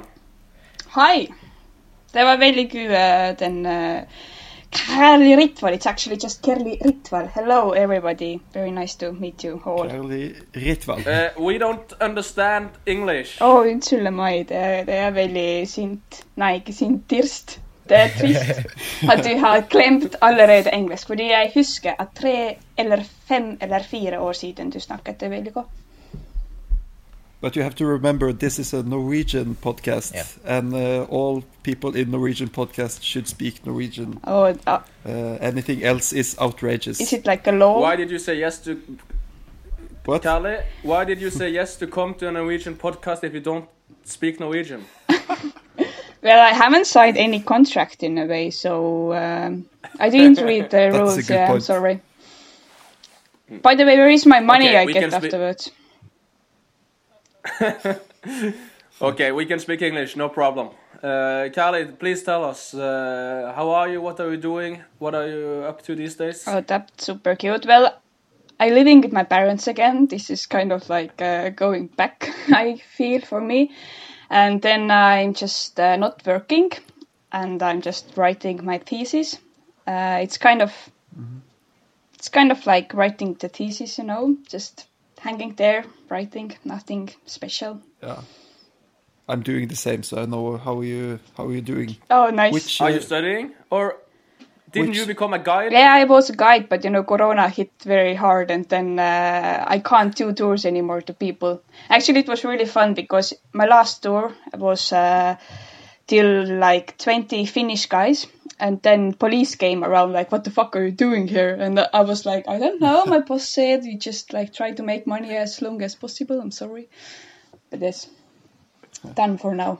but uh, what are but what are you studying? What is your thesis about? Uh, really short. Oh, really short. Uh, okay, I study art history, and it's about uh, present art. So basically, government. Oh my god, it, it's it's very impossible to make it short. But government uh, earns some money to order art to public spaces, and I just analyze it because mostly it's very shitty art and why it's shitty and so on.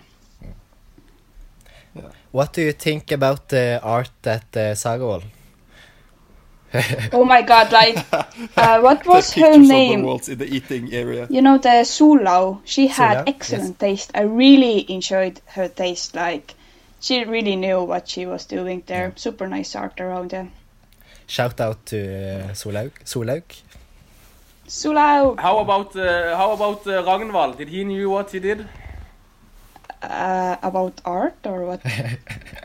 Yeah. About art.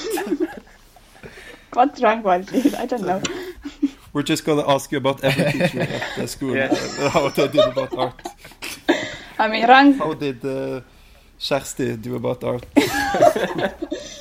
Well, Chesty had very like conservative taste in a way, but beautiful conservative taste. Yeah, and uh, she uh, she knew that uh, art doesn't need to be perfect. Uh, if it's uh, in the third place, uh, it's uh, more than good enough art. Would you say that uh, Okay. it's uh, Sagawal that inspired you to uh, become interested in art, or uh, is it something else? Was it was yeah, it was it Solo? Solo? The great impressions of Solo. Okay. Well, I think during the saga wall, when I was really often just out in the woods, I really missed reading books. So Mm. that's why I chose that kind of way. So maybe somehow, yeah. Yeah, nice, nice. That's nice. That's nice. Let's travel back to Sagavall, uh, Carly. Any any good memories? Anything uh, you want to talk about? Um, Anything we don't know? Maybe. Some secrets, maybe. You know, actually, Matthias uh, wrote me yesterday that we want to hear story, and all stories what appeared in my mind at first place was were like too awkward. So I just uh, share all my friends who did awkward uh, things with me, and uh, thank you for the time. But to just uh, save myself and others, I tell rather not that secret story. So Sagavol is with me in everyday life, and uh, I just read Albert Camus' Sisyphus uh, myth, and basically it's the myth about one guy in ancient Crete who rolled up the stone on the mountain top, and then it fell down again, and that's what he did till the end of his existence. And it reminded me the time when in fixed class we had team building, and we literally rolled up the tractor wheel like up to Utsiken. And it was really like doing Oh. nothing really. I mean, it was absurdity, you know. It doesn't doesn't didn't have like any meaning, but we all did it like with like like it's the question of life. And uh, I mean, people were so exhausted. Even like the heroes, like Magnus or Ivan or Daniel, were like really crushed and uh, cooked. So yeah, these kind of things that didn't have any point, but we really took them as uh, like the question of life and death. And I think that's something I try to do now with my thesis. It's so pointless, but I try to be passionate about it. Otherwise, there is no meaning, you know. You got me? That's very well well said. D- And, do uh, you still uh, do you still stay in touch with anyone from Sagavall? Yeah, mostly with Katie and uh, Sarah, Rachel, foreigners group, I guess. The, in, the international staying together. Yeah, totally. You didn't get to know us Norwegians, you guys. I mean, I mean, Excluding I actually, Norwegian. yeah, I, I think because two, two summers after Sagaval, I worked in Sagaval as well. I got more close to these working people and uh, and Jenny as well. The Jenny Nielsen was not Nielsen anymore, but we, we got connected. I, Yeah. get, I guess. Married now, I think. Yes, I guess so. Gratulerer. It's very cool. Gratulerer from Saga Reception. but but uh, but but what about? Uh, uh, I've thought a lot about that. It must have been uh, a little bit um, uh, different uh, to come to Sagavoll as an. Different and difficult to come to Sagavoll as a non-Norwegian speaker and learn Norwegian from scratch while the other people at the school interacted in Norwegian. How did you experience that? Well, I think it was something I know it's gonna happen. And Mhm. you know, it's very different I think how we went to this school because I think when Norwegians goes to Folkehøgskole then they know what it is and they have like their own dreams about it. But when I went to Sagavoll it was more about living abroad and uh, living a different culture and learning a new language. So you know, I didn't came there to find my dream husband or uh, to just have lots of fun. I didn't know it's gonna be fun. I just learned it during the time I spent there that people actually came to like find partners and stuff. So cool. So different perspective. Yeah, very different perspective. So to say. But you you also told me that this was your like high school experience. Oh, you mean the Gossip Girls? Yeah, totally.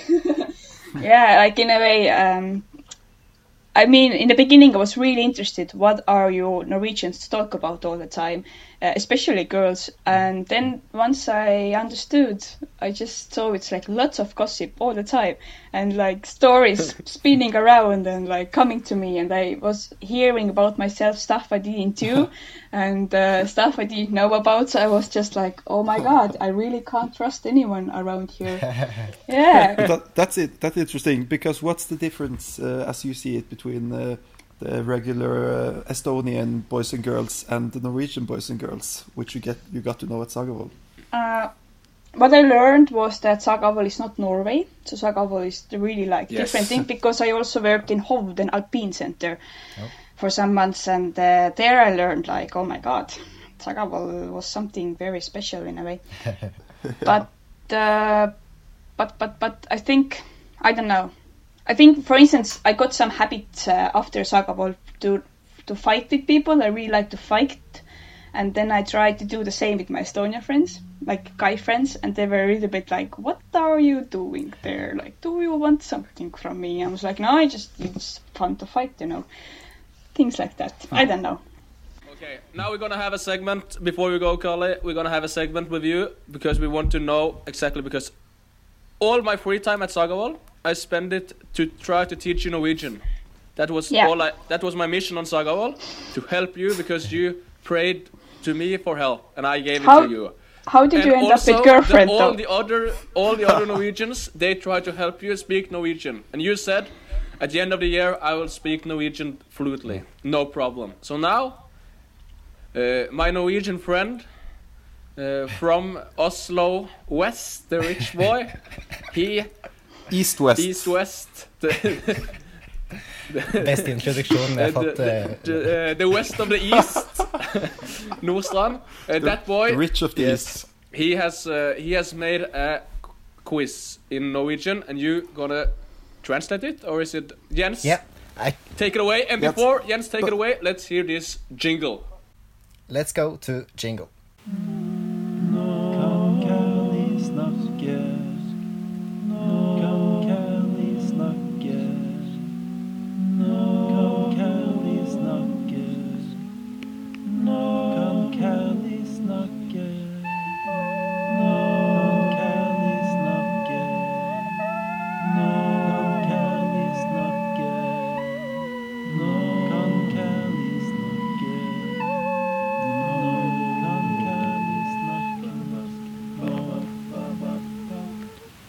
Saga vastuvot unparem koi saga linna voli kugu.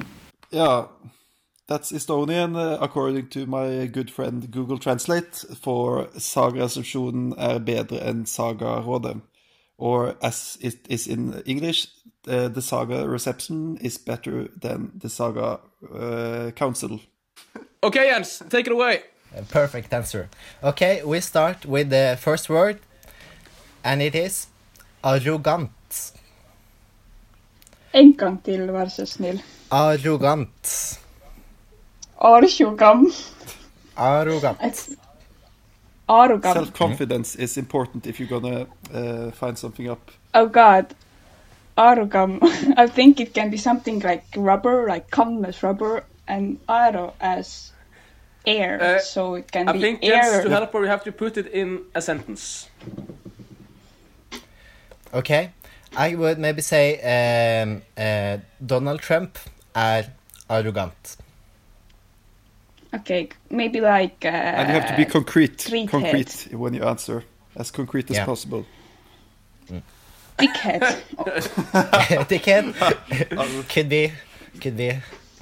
It's uh, a lot of uh, correctness in that, but uh, it's probably a synonym for cocky. Uh, Oh. Yeah, yeah, yeah. Thank you. We move on, and the next and final question is Is this the million dollar question, Jens Olav? uh, that's again it's uh, classified. Do I get 50 kroners or something?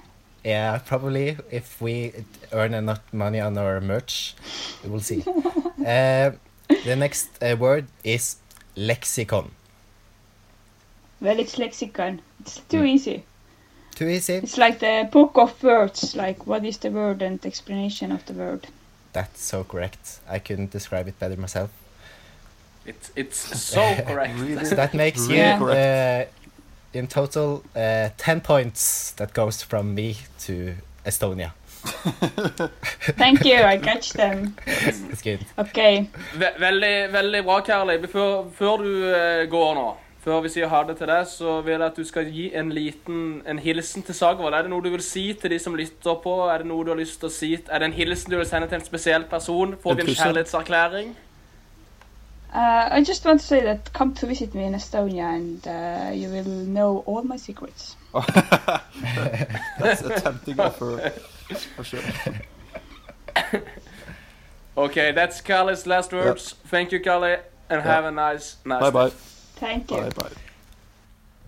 Hei, dette er Annelise Thomassen. Jeg vil bare takke vår kjære president for fantastiske skolegensere. Fra Estland over til Bergen. Vi skal til en, eh, en, en favoritt hos mange, tror jeg, på Sagervoll. Eh, Velkommen. Velkommen. Simon Wienes. Tusen takk. tusen Velkommen, takk. velkommen, velkommen. Jeg er veldig fornøyd. Jeg har endelig fått eh, mast meg til å bli med i dette programmet. Ja, for, for du er en av de som faktisk vil være med her. Jeg er en som har Hvis vi ser på chatteloggen mellom oss to, Mathias, så tror jeg jeg har sendt to-tre meldinger de to siste årene på dette. faktisk. Hvor det har vært det eneste du har lurt på. Og det skal sies, en litt morsom eh, kuriositet her er jo det at eh, den dagen Mathias Navio sendte meg og Jens melding eh, for å starte eh, den nye, dette comebacket, så bladde jeg opp i den chatten og så at akkurat samme dag, ett år tidligere, så Simon Binnes sendt en melding og spurt blir det mer Saga-resepsjonen. Er det, til, er det tilfeldig, eller er det er ganske Guds? Oi. Jeg tror det er Guds, til, Guds, eh, Guds vilje, faktisk. Det kan være. Simon, hvordan går det med deg? Hva gjør du? Lever du?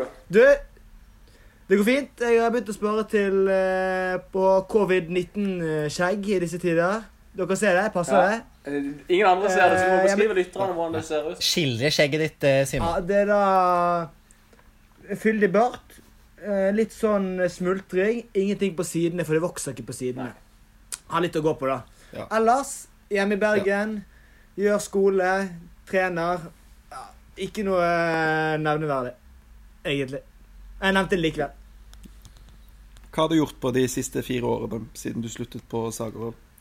Sånn i korte trekk. de siste fire Jo, det er et godt poeng. Ja, det, det er ikke så mange jeg har snakket med de siste fire årene fra Sagermiljøet, så du skal få en liten oppdatering, tenkte jeg. Ja, Eh, jeg begynte da på eh, interkulturell kommunikasjon på MF med eh, Martin, Vetle Runar, Kenneth Christian Paulsen. Ja, så dere var, for, dere var fortsatt på Sagervoll der, egentlig, da? Vi, vi fortsatte. Friår nummer to. Ja, jeg dro ut til Oslo i håp om å ha med 70 venner til Oslo etter Sagvold. Tenkte dette blir dritbra. Nå har jeg kontakt med knapt eh, ti av de. Så jeg vet ikke om det er jeg som sviktet, eller de som sviktet. Ja, jeg tror det er naturloven som eh, alle lever etter etter en folkehøyskoleår. Og så har jeg egentlig bare bodd i Oslo eh, og studert etter det. Men ti er ganske bra, tror jeg. Og jeg tror ikke det De fleste vi har snakka med, har ikke kontakt med så mange, tror jeg. Jeg tror det er et solid antall. Nei, eh, så Absolutt. ja, Jeg er egentlig ganske stolt av det, der, faktisk. Falsk beskjedenhet i ja.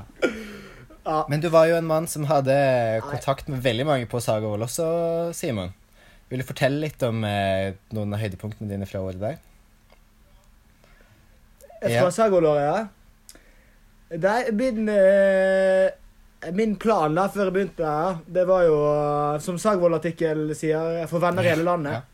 Det følte jeg eh, Jeg fikk ganske bra. Det gikk til å være, flere, være dynamisk i hvem Mm. du hang med, da. Og oppsøke flere miljøer. Før du til slutt kanskje Vil du si det er noen landsdeler som du har færre venner i, som du ikke fikk venner i, som du burde fått venner i? Nord for Trondheim har jeg knapt kontakter, hvis det er lov å være ydmyk på det. Men, men jeg begynte hardt. Meg, Frida og Jan Thomas Lende skap, skapte jo Saga Smoke dag to. Så da var jeg på en måte allerede i gang. da. Det var viktig, viktig å var gå hardt ut. da. konsept. Å være seg selv. Det er viktig, da. Tenker jeg. Ja, og så videre, da. Hvem var neste på lista? Neste på lista, Nei, hva, nå hadde Mathias? du, da hadde du to venner, da. Ja. Eh, og så var det Toppen. Så var det Fiks. Så var det Pøa for å redde Afrika. Jeg skjønner egentlig ikke hvorfor de samla inn penger til det mer. Fordi at jeg trodde Afrika var reddet etter oss. Ja, det burde være. Vi, tjent, vi samlet inn halvannen million kroner. ikke det? Men nå har de jo Det skifta. Nå har de jo Det det heter fortsatt PØA, men nå er det Prosjekt Øst-Asia. Ja, for da tror jeg vi, reddet øst øh, Vi reddet Pøa, tror jeg, så nå er det neste, Ja. Neste del av verden som skal reddes.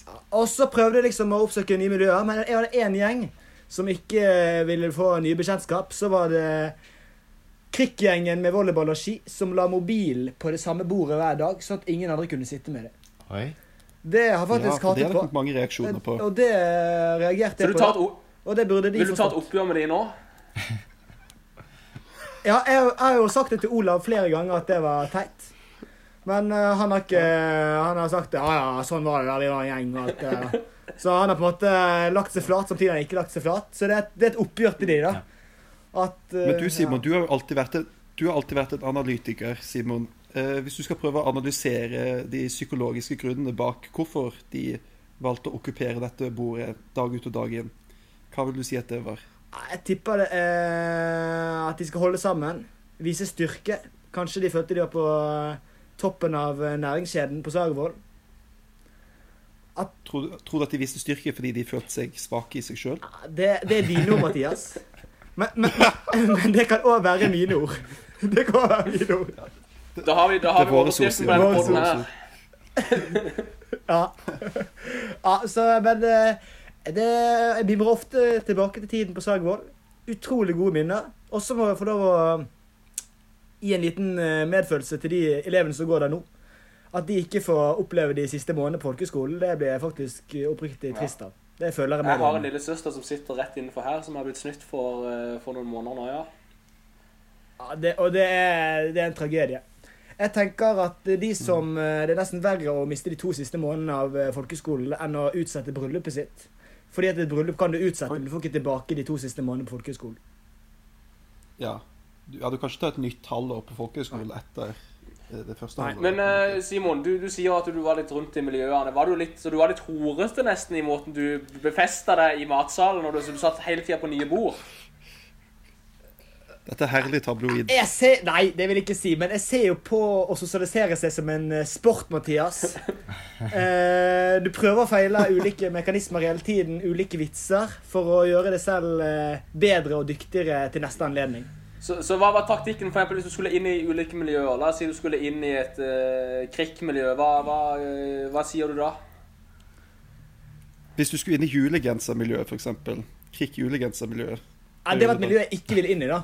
Uh, på grunn av julegenserne. Jeg er ikke sykt Jeg tenker julegensere det er litt sånn materialistisk og alt det. Det handler om uh, Må ikke se på det materialistiske. Du kunne, kj- men du kunne kjøpt deg en julegenser du òg, da, Simon. Du, jeg, kunne, jeg lånte faktisk en her forleden. Eh, Jeg bilder meg på sosiale medier med det. Nei, Clouet er jo da å eh, finne én, og liksom bli bedre kjent med den. Og så bare følger du etter den, gi den litt komplimenter. Speiler de, rett og slett. Sånn som vi bruker på eh, kommunikasjon og kommunikasjonsfaget. Du speiler vedkommende, sånn at den føler seg bedre likt. Og da blir du òg bedre likt. Og så går du bare inn i miljøet derfra. Og så er det viktig å være ydmyk, men samtidig ta rommet. Men så, det, så det er ingenting ekte med det du gjør. Det, alt er på en måte gjennomtenkt og taktikk for å komme inn i et uh, miljø du vil inn i. Det viktigste er at folk føler det ekte, Mathias. eh, Folk føler det ekte. Altså, det, er det er en illusjon, først og fremst. Nei, da, men nå, nå var jeg litt sånn eh, eh, cocky her. Men uh, de beste vennene jeg har fått i livet, de har jeg faktisk møtt på uh, Sagervoll. Og det føler jeg Det var ikke fake, det var oppriktig. Ja. Hvis jeg skal ha lov å være litt Er det, er det lov å spørre ap- Mens vi er inne i ærligheten, er det lov å spørre om, eh, siden du sier at de beste vennene du har, kommer fra Sagervoll Hvis du skulle gifte deg i dag, hvem ville vært din, hvem ville vært din forlover? Jeg stiller gode spørsmål. Det, kan, det er litt privat, så du trenger ikke å svare, men jeg må spørre. Du stiller, du stiller gode spørsmål nå. Eh, Det kan, det kan godt være det en eller flere eh, fra. Eh, Men eh, tiden vil vise. De som Ja. vet, de vet. Er ikke det man Det er sier? Det er fin. Simon, fortell oss om noen eh, gode minner fra Sagervold. Hva er det som sitter igjen? Hva er utenom vennskapene, da? I forhold til akkurat ting som skjedde på Sagervold? Eller noen ting som du uh, har lyst til å snakke om? Mal oss et bilde, Simon. Det, Takk for meg. det jeg savner, det at eh, folk ikke var så selvhøytidelige. Og folk hadde de samme verdiene som de selv. Så du kunne på en måte bare kødde rundt og være ærlig eller være alvorlig da du trengte det. Og, ba, og bare være, rett og slett. Et, et, et år uten bekymring. Uh, og det er de der interne tingene som kom opp, så du liksom Du kan ikke dele det med noen andre. Eller det var liksom uh, for, for eksempel, da. Jeg går i klasse med der uh, nesten alle har vært i militæret, da. Og det høres jo ganske lame ut i forhold til det å ha vært på folkehøyskole og vært med dere, da. Og vært med alle de som gikk der. Det var jo en helt magisk tid. Ja. Så eh, når jeg, får, når jeg får barn, så skal jeg tvinge dem til å gå på folkehøyskole, for det var, det var, det var helt sykt. For min del så tenker jeg kanskje spesielt Ja, det liksom, eh, eh, siste halve året. Også var liksom, da blir man virkelig godt kjent med mange. Og det er jo det nettopp de som går der nå, går glipp av på mange måter. da. Ja, og det, og det, er- det er trist. Kanskje de to, de to siste månedene var det Mm. gøyeste, liksom. For da var det game on. den nest, kanskje den nest Jeg syns den nest siste måneden var gøyest. For den siste måneden den bar så mye preg av at nå er det snart over. Her er faktisk jeg uenig med dere. Jeg Ja. syns jo faktisk den tida inn mot jul kanskje er den kjekkeste. For du har opplevd det to ganger, Ja, og jeg, synes, jeg, jeg sitter fortsatt med Jeg mener det er den kjekkeste tida. Den øh, øh, oktober, nove, eller november des, altså, Når safari kommer hjem fra Afrika, den perioden rett etterpå der, den mener jeg er den beste. Og øh, januar, februar. For at når du kommer til mars, april og mai, som også er det er jo kjekt der òg, men da har liksom, mange klikker blitt satt. Da er det ikke så åpent landskap Ja. lenger. Og så er det også noe med at da begynner folk å snakke om fremtida og begynner å planlegge sånn Ja, da skal vi bo, skal vi bo sammen her. Og, så det, og da begynner de å tenke å, jeg er usikker på hva jeg skal søke, jeg må ta opp fag og sånn. Da lever de ikke så mye i nuet lenger. Mens når du er i desember, januar eh, og, og november, da snakker man kun om det som skjer på Sagvoll. Da er det kun det alle er opptatt av. Akkurat der og da. Ja, det er sant. Du, det, du, Mathias, Det er et godt det poeng. Der fikk du faktisk eh, Der, der sa du det. For da snakker alle om underholdninga som kommer, og alle om og disse tingene som har, Ja. sant? og disse tingene som skjer, og hvem er Aspen og alt sånt der. Men når du kommer til mars-april, så begynner folk å, å tenke på andre ting òg. Så kan det være at noen har blitt litt for synt for, da. Ja, ja. Men eh, det skal sies, om, den siste eh, tida òg er magisk. og får du, Plutselig får du noen nye kontakter helt på slutten òg. Og det er jo magien med et folkehøyskoleår, syns jeg òg. At du kan eh, At en du har vært med nesten hele året, så har du ikke blitt kjent med han, så blir du kjent med han helt på slutten av året. Og så kan det bli kjempeclose. Ja, jeg, jeg har jo litt Ja, jeg har en litt morsom historie på det. For jeg, på slutten av Sagvold så skulle jeg bo med Trygve og Vegard. Men jeg kjente egentlig mest Trygve. Og det var på en måte han som var min eh, inngang til eh, det kollektivet. Men eh, så plutselig så kunne ikke Trygve være med lenger. Og da var plutselig jeg og Vegard stuck sammen. Og vi var ikke så gode venner på den tiden. Så det var jo Jeg husker jeg var oppriktig bekymret for at han skulle forlate meg. Er det sant? Men, ja, helt sant. Men det, det skjedde ikke. Og vårt vennskap har blomstret til en vakker blomst etter det. Så Men du, et spørsmål. Syns dere det er for mye klikker på Sagvold på slutten? Var det for mange gjenger? ja. Skal du bli dette Men Mediamann, Simon. Absolutt. Nei, jeg vil si at jeg syns egentlig gjennomgående at det var veldig lite klikker i forhold til hvor mye som det alltid vil oppstå når man er 120-130 stykk sammen i ett år. Så syns jeg egentlig gjennomgående at det var ganske lite klikkere. Ja, jeg, skal ikke, jeg skal ikke slakte noen for at det var noe klikka. Jeg synes det var, det var veldig fint. Men det er jo litt sånn, man går jo til de bordene man trives best på mot slutten. Men det viser seg jo bare det også, sånn som ta Vangen og Vangen og Vegard. da. Tenk hvis de hadde blitt enda bedre kjent tidligere. og Tenk på alt det gøye de kunne funnet på på Sagervold som de fant på heller på Hoppsjøs eh, vei. Ja, det er et godt poeng. Ja, ikke sant? Og så er- ja. Er ja, ja, det- er det kult med alle de du kanskje ikke hadde et sykt godt inntrykk av ved starten. da. Men så ble du kjent med det etter hvert, og så bare blomstret det. -hmm. Det er det vakre. Ja, Det er det fantastiske. Men, men Simon, helt til slutt, før du forlater oss i dag. Har du noen fra Sagervoll som eh, du enten har hatt mye med å gjøre, eller ikke hatt så mye å gjøre med, kanskje? Som du har lyst til å sende en spesiell hilsen til nå på slutten av eh, den delen av programmet? Jeg vil jo eh, sende en hilsen til de gamle jacuzzi-gutta. De har jo bodd i kollektiv med i samme leilighet siden, etter Magnus flyttet ut i sommer. Så det er, Hvem er de? det er da Markus, Olav og Magnus. En stor creds til de. For at de har holdt ut med meg. Eh, og de har kanskje opplevd den siden av meg som ikke de på Sago fikk oppleve. Eh, for jeg er egentlig en som elsker konflikt. og, og fyre opp under diskusjoner og krangle. Eh, og det de opplevde, da. Men det, er ikke de, eh, det var kanskje den eh, siden folk ikke så meg da, det året.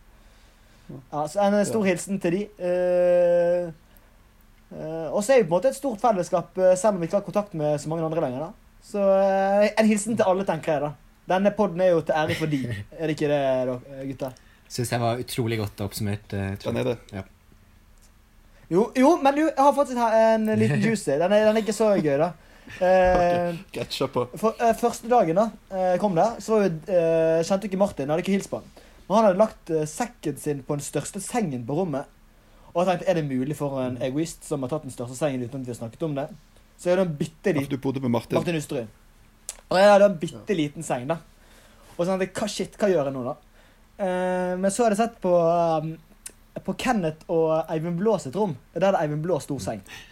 Så dag to på Sagvoll, da fikk jeg meg, Martin og Kenneth til å gå inn på eh, Eivind Blå sitt rom og ta ut sengen hans, for den var mye større enn min, og, byt, og bytte den med min. Så jeg sov da i Eivind Blås sin seng hele året uten å si det til han. Og han merket ikke at han hadde mye mindre seng. Og det Det er fint. Og Eivind Blå, hvis du lytter på nå, så kan du irritere deg over alle pengene du har brukt på Sagavold og den senga der, som du egentlig aldri fikk. Tusen takk for at du kom i programmet, Simon. Det var eh, veldig kjekt å ha deg med. Det var en ære. Jo, øh, du, du, utrolig hyggelig å få lov endelig å maste med på dette. Jeg håper jeg leverte det dere øh, ville skulle levere. Og så til slutt, gratulerer til Mathias Navjo, som har fått uh, fullført trenerkurset. Tusen hjertelig takk. Gratulerer til Mathias Navjo. for det. Og jo, jo, jeg har en ting, hvis dere vil ha den med. En siste ting her, faktisk. Hvis dere vil ha den med. For det jeg har opplevd de siste uh, halvannet året, da, uh, det er jo det at du kan gå på gaten i Oslo, og så ser du en på andre siden som har gått med oss. Og du vet at den personen har sett deg, og den personen vet at du har sett meg. Men ingen hilser på hverandre. De går bare rett forbi. Har dere opplevd det? Stadig vekk. Og jeg, jeg syns det er en fin ting. For uh, ofte er man enig om at det er mer slitsomt å hilse enn å uh, la være.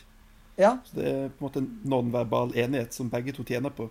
Ja, men i sam mange tilfeller. samtidig er det litt merkelig, for, for alle de minnene vi har med hverandre, og alle de opplevelsene og det fellesskapet, og så plutselig bare beg, begge vet, men det er på en måte ikke noe mer da, i den relasjonen.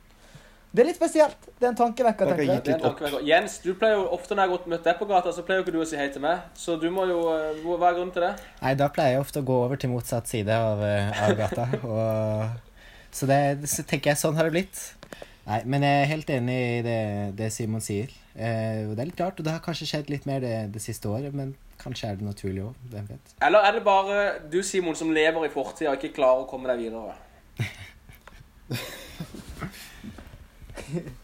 Er det en av oss fire som eh, har kommet oss videre, så tenker jeg det er meg. Det får bli, det får bli siste ordet til Simon Wienes. Takk skal du ha. Det var hyggelig at du ble med. Vi må videre. Takk. det, ha det. Hello, this is Trygve Bø, and you're listening to Sega Reception.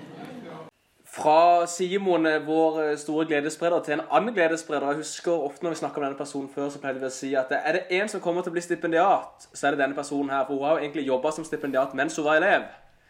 Eh, Og da skjønner alle hvem vi skal til. Vi skal til Malene Bjornes. Velkommen, velkommen. Jo, takk for det. Takk for det. Det var jo hyggelig. Ja, Malene, du var jo en utrolig godt likt eh, person på Sagavoll. Hva vil du selv si er hemmeligheten bak å bli såpass godt likt? Eh, nei, det Det må jeg si. Nå ble jeg nesten litt uh, rørt her, Jens. Det var jo veldig hyggelig.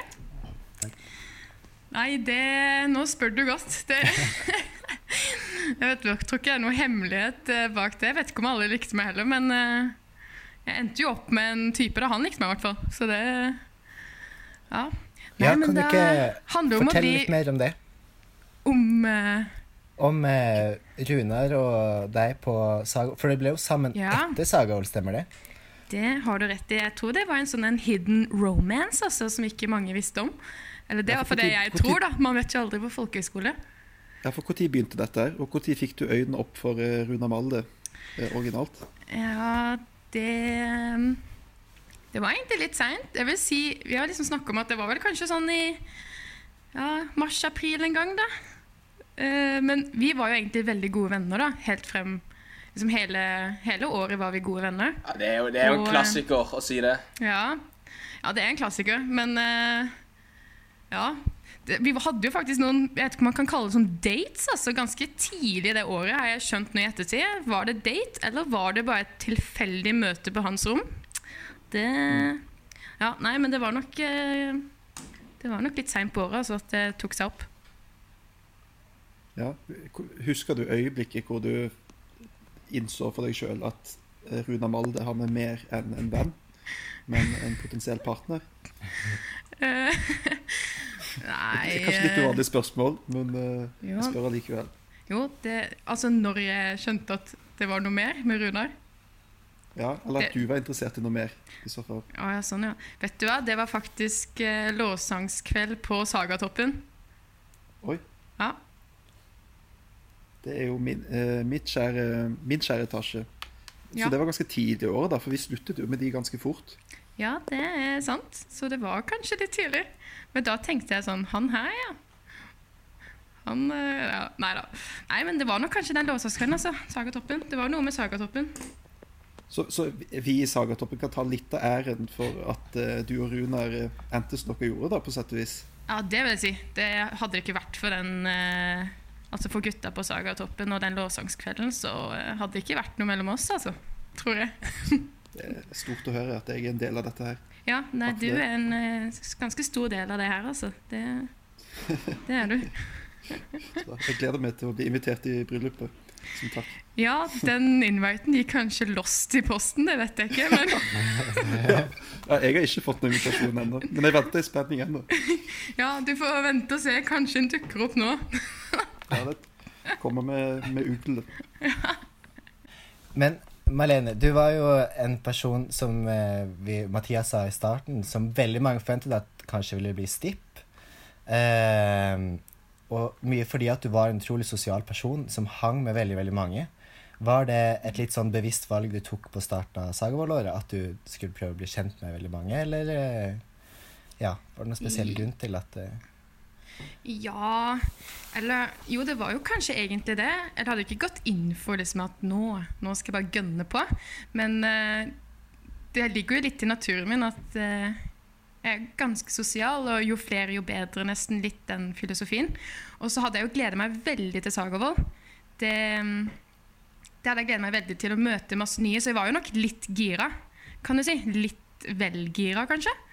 Men eh, ja, det var ikke noe strategi, men eh, ja, det var jo gøy. Jo flere, jo bedre. Og, ja. Så det var nok litt sånn. Men, men et interessant spørsmål, Malene. For det er jo slik på folkehøyskole at man eh, får jo mange nye bekjente og mange nye venner. Ja. Og mange av de vennene er venner man kanskje ikke trodde på forhånd at man kom til å få, eller kom til å passe med.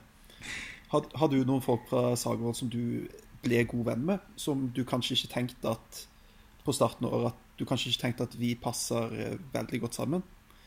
For det Jeg tror mange kan kjenne seg igjen i akkurat det. Ja, ja, det vil jeg tro. Det har jo gått begge veier. Det er sikkert mange du ble kjent med på Saga vår, som du tenker etterpå bare Hva søren? Vittig at vi hang, eller at vi ble så gode venner, for vi er jo så forskjellige.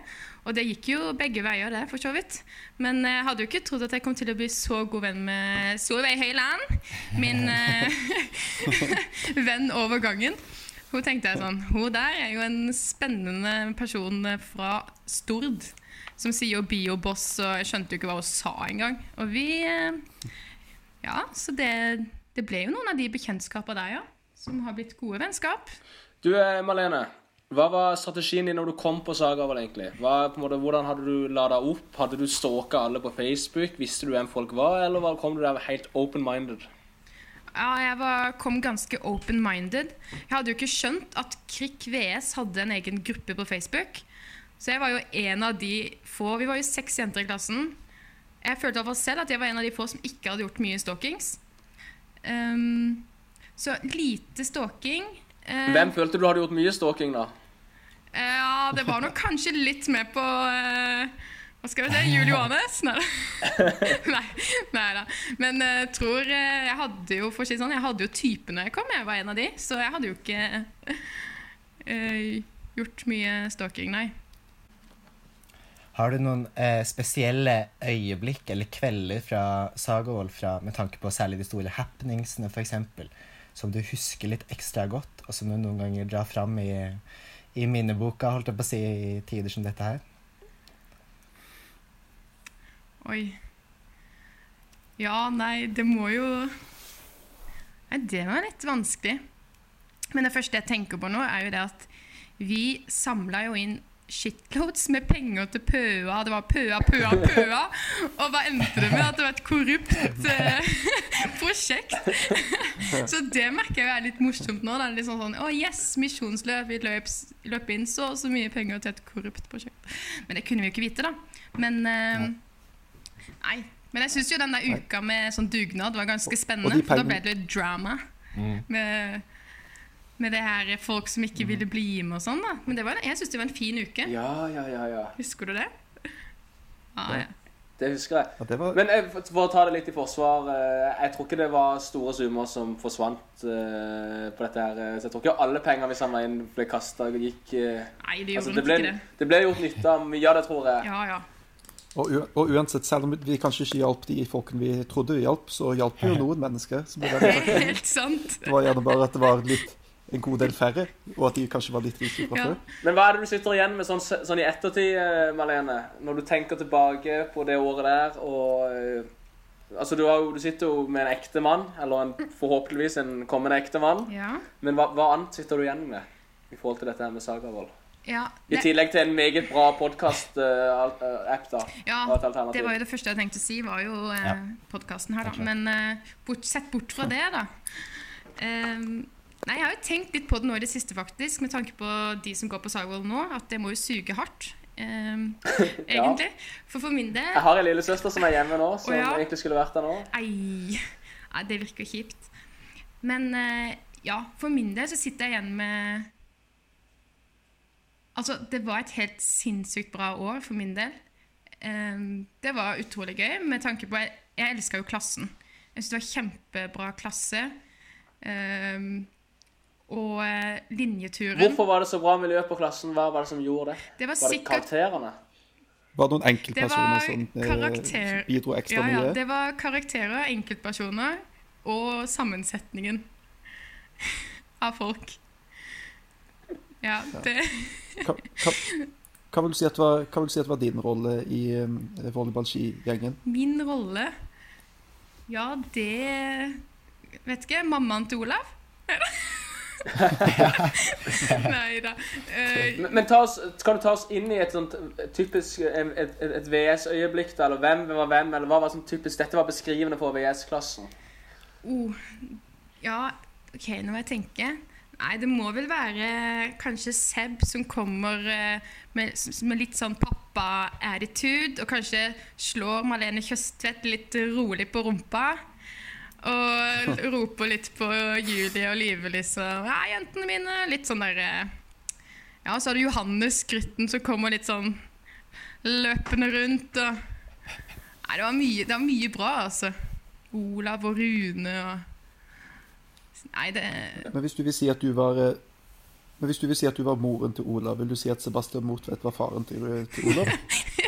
Ja, det ble Nei da. Ja, nei, det ble jo kanskje noen som uh, passa litt ekstra på, da. Ja. Sebastian var jo veldig Ja, ansvarlig, vil jeg si. Det er jo en grunn til at han ble stippa. Var Peter òg like ansvarlig? Peter var nok ikke like ansvarlig, nei. nei da. jo da, Peter òg, men jeg tror nok Seb var hakket over deg, ja. Seb var liksom pappa på VS, vil jeg si. Ja. En god pappa. Og du har jo beskrevet han som en gresk gud tidligere, eh, Vangen. Ja, og det kan jeg stå 100% inne for ennå. Sebastian Motveit er et eh, monument av en mann, både psykisk og fysisk. Det er helt enig. i. Yes, nei, jeg tror vi må, vi må runde av, Malene. Det var kjekt å catche litt opp. Og så må du ha lykke til i bryllupsforberedelsene. Blir det bryllup i sommer? Det er uvisst. Det, det var planen, da. Så vi får se. Det gjenstår å se. Det er godt å høre. Takk skal du ha, Malene. Ja. ja, takk skal dere ha. Ha en fin dag. Ha det. ha det. Hei, dette er Sebastian Mortvedt, og du hører på Sagaresepsjonen. Jeg vil bare hylle kippaen til Christian Rygg. Da, eh, da begynner vi å nærme oss slutten, gutter. Vi, eh, vi skal over til vår, eh, vår aller siste gjest eh, for, for denne gang. Kanskje den siste gjesten i Sagaresepsjonens historie. Utrolig nok. Det er rart, Og, å, rart å tenke på. Rart å tenke på. Han hadde jo uttalt før at han aldri Epoke som tar slutt. Ja, jeg mener denne gjesten har uttalt en gang at han aldri kunne tenkt seg å være gjest på Saga-resepsjonen nå. Men nå sitter han søren meg i klisteret. Um, Alexander Kiplesund, velkommen skal du være til podkastverdenen. Eh, Takk for det. Takk for det. Det er eh, hyggelig at jeg vil ha meg med. Som en kritiker som jeg er, så er det hyggelig at jeg vil ha meg med. Det er viktig også å inkludere motstemmer, ikke bare lage et ekkokammer. Og det er derfor vi har det. ja, men det, det er godt. Det er bra. Veldig bra. Det er en stor ære å få lov til å være med. Det må jeg si. Hvordan er Absolutt. livet ditt eh, om dagen, eh, Alex? Hva sa du? Hvordan er livet ditt om dagen eh, nå? Ja, det, er, det går greit. Jeg syns dagene går overraskende fort til å være i disse koronatidene. Ja. Ehm, ja, det går mye TV, da. Det skal sies. Jeg har jo sett gjennom et par TV-serier nå. Så Men det, det er greit. Er det noe du vil anbefale til eh, Er det noen TV-serier du vil anbefale til Sagresepsjonens lyttere? Um, ja, jeg så Binge binga akkurat uh, Tiger King, som er jo veldig populært nå i Norge, sies det jo. Absolutt. Og rundt omkring. Og det var eh, leverte, må jeg si. Det gjorde det. Og så siden det er påske nå, så satt jeg og mamma og ble ferdig med en, en TV-serie på NRK da, som heter Tilståelsen. Påskekrim. Som også var bra. Det høres ut som en NRK-serie. Ja, men det var på engelsk, da. Det skal sies. Det var ikke Det er, jo, norsk. det er jo mange som lurer på, Alex, av de som lytter, som ikke kjenner så godt, som sikkert lurer på uh, Hva gjorde egentlig Alex etter han var ferdig på Sagaroll? Ja, hva gjorde jeg? Det er et godt spørsmål. Nei da. Jeg flytta jo til Oslo etter, rett etter Sagvoll, og flytta inn med Jens og Mathias i et lite kollektiv der. Mm. Og så tok jeg et årsstudium i, eh, samfunn, eh, i samfunnsfag. Helt greit. Helt greit. Ikke noe å skryte av. Eh, og så eh, kom jeg, havna jeg opp da på Sagvoll igjen, etter mye om og men, og etter søknad og sånt, så var jeg heldig at jeg fikk lov til å være mulighet til å være stipendiat. Og hva er det som har skjedd? Jeg har, nå er jeg tilbake inn i Oslo og studerer da med Mathias Larsen Avjord, lærer. Det er det det går i, for så vidt. Og du spiller ennå volleyball, gjør du ikke det? Jo, enn så lenge. Så eh, Når er det 15-16 kull? eh, Kan, eh, når, er, altså, når kan vi forvente at vi faktisk vinner dette her volleyballtreffet? Eh, ja, det Sånn som den eksperten som jeg er, så har jeg tatt på meg den rollen, så eh, må jeg nok være så ærlig og si at uh, den sjansen røyk for tre år siden eller to år siden. Men uh, ja, man skal aldri si aldri. Plutselig, så når vi, hvis vi får Vetle tilbake i god form, så hvis han plutselig hvis han blir bedt for på forbønnen, så kanskje når skulderen hans blir god, så uh, kan han komme tilbake igjen da på Så, så, så, så alle lyttere som hører på her nå, de bør altså egentlig bare ta en bønn nå for Vetle. Få han frisk igjen, sånn at vi Ja. faktisk kan vinne dette treffet her. Rett og slett. Jeg stemmer for at vi tar bare en kort bønn nå, jeg. Jeg kan, jeg kan, lede, jeg kan lede i bønn for La- oss Vetle. inn. Da skal jeg gjøre det. Eh, Kjære himmelske Far, du ser 1516. Vi, eh, vi strever, og vi vil så gjerne ha et eh, volleyballtreff-gull. Ja. Du ser, uten Vetle Reinholt Johansen, så blir det her vanskelig. Og vi ber for denne skulderen hans, Jesus. Legg dine legende hender på han. Eh, og du ser også koronakrisen vi er oppe i nå. Velsign oss, Gud. Amen. Amen. Veldig fint at du fikk nevnt korona der som en liten bisetning. Og oppi alt dette. Det Takk. viktigste er jo at Vetle blir frisk. Det, Ja, det er det viktigste. Først Vetle, og så korona. For et volleyballtreff det kommer til å bli til eh, neste år, når folk eh, Ja, ja. virkelig har fått lada opp. Ja, ikke sant. Nå er det jo eh, med et år imellom, nå, så har vi, jo, har vi store sjanser. Og det blir jo et skikkelig kickoff, ser jeg for meg. Det kommer til å bli stort. Alle må møte opp, det sier jeg. Til og med så mange som mulig. Til og med Kärli Ritval må komme seg fra, eh, fra Estland til Norge for å eh, eh, møte opp. Så hvis, du hører, så hvis du hører på nå, Kærli, så kom på Ja. Absolutt. Det er, min, det er en invitasjon. Du, du Alex, eh, du er jo litt, på en måte litt sånn ekspert på Sagervold. Altså, du har vært der eh, to år, ett år som elev og ett år som stipendiat. Eh, Nå har vi jo holdt på her i nesten tre timer og mimra og snakka med masse forskjellige folk om altså, året på Sagervold. Hva er det som gjør Hvorfor tror du at det er så mange som sitter igjen med så mange gode følelser rundt Sagervold? Det er vanskelig å si, altså. Det er kanskje en av grunnene til at folk syns det er så det, jeg vet- ikke helt hva jeg skal svare på. Det, at det, er kanskje noe i og med at man er så At man bor så tett innpå hverandre, så mange. Man får så mye internt, man får så mange nye venner. Og det skjer så mye da når man er så mange forskjellige personligheter på én plass. Eh, Og jeg tror det kan være med å skape da skikkelig mange gode minner og morsomme eh, begivenheter i løpet av et år. Noen spesielle minner du, vil, eh, du husker spesielt godt, som du vil dele med Åh, Oh, ja, nå spør du vanskelig her, da. da. Jeg må jo være helt ærlig at jeg begynner å bli så gammel nå etter to år. Eller nå kan jeg fort gå jeg at jeg blander to år, da, dessverre. Ja, det er veldig farlig. Ja, så det er det, det, er det jeg må prøve å være veldig sikker på, da. Men eh, jeg har jo eh, Skal vi se her, da. Nå satte jeg meg litt på spotten, men en sikker, sikker vinner er jo eh, det første eh, når vi på volleyball eh, Bronsegutta skulle spille vår første match. Og det er bare koker inn i den hallen der. Og eh, det hjelper jo eh, det hjelper så klart på når våre to i studio, eller to speakere der, både Mathias og Mathias, bygger opp stemninger der, og det er bare Når vi taper det første poenget, og vi bare hører det taket løfte seg, det er magisk. Jeg har aldri opplevd lignende på en idrettsarena før. Ja, min påstand er jo at lyd, lydnivået på Sagervoll har aldri vært høyere enn da. Jeg vet at på Paua og sånn så har det vært høye lyder, og på visse Ja, pinginger så har det vært det går- Men, men det, det altså, lydnivået mot altså 15-16 Vi hadde bygd det så sinnssykt opp med dette her laget, og de hadde hatt eh, Vangen og Du ropte de jo ut her, Vangen. Ja, det er jo vel vi begge, Mathias. Hvis ikke Vi begge gjorde det. Ja, ja. Og, og av med lyset, det var liksom så elektrisk. Og så møter de et kaffelag. Fotball er bedre enn volleyball. Et sånn B-lag til et annet år, årskull. Og så tar dette B-laget altså B-lag, det tar det første poenget mot disse guttene som så dønn seriøse ut. Og da, da kokte det. Da kokte det til Uff, det, det, var, eh, det var fantastisk gøy. Så det er kanskje et av mine største øyeblikk. Hva tenkte du når de tok det poenget? Tenkte du nå taper vi her? Allerede da, eller? Nei, Ble eh, du tatt av stemninga? Jeg var noenlunde forberedt på det. At det skulle være, litt- men det, at det skulle være så spesielt bare, på, bare når det er forskjell Det er liksom bare på en folkeskole, tenker jeg. Det kan umulig være så stort. Men da føler jeg så da møtte jeg realiteten, da, og da tenkte jeg shit, er det virkelig, betyr det så mye for folk? Hvor tåpelig er egentlig dette? Hva er det som skjer? Dette her er jo, det er svært få som tenker at det her er noe stort. Apropos volleyball og dette mine her, Alex, så har du blitt utfordra på å plukke Altså, du skal plukke et, en, en drømmelineup eh, med eh, Altså, en, det er jo seks spillere på en volleyballbane, eh, og Vangen har den regi lagd en jingle. La oss høre den først.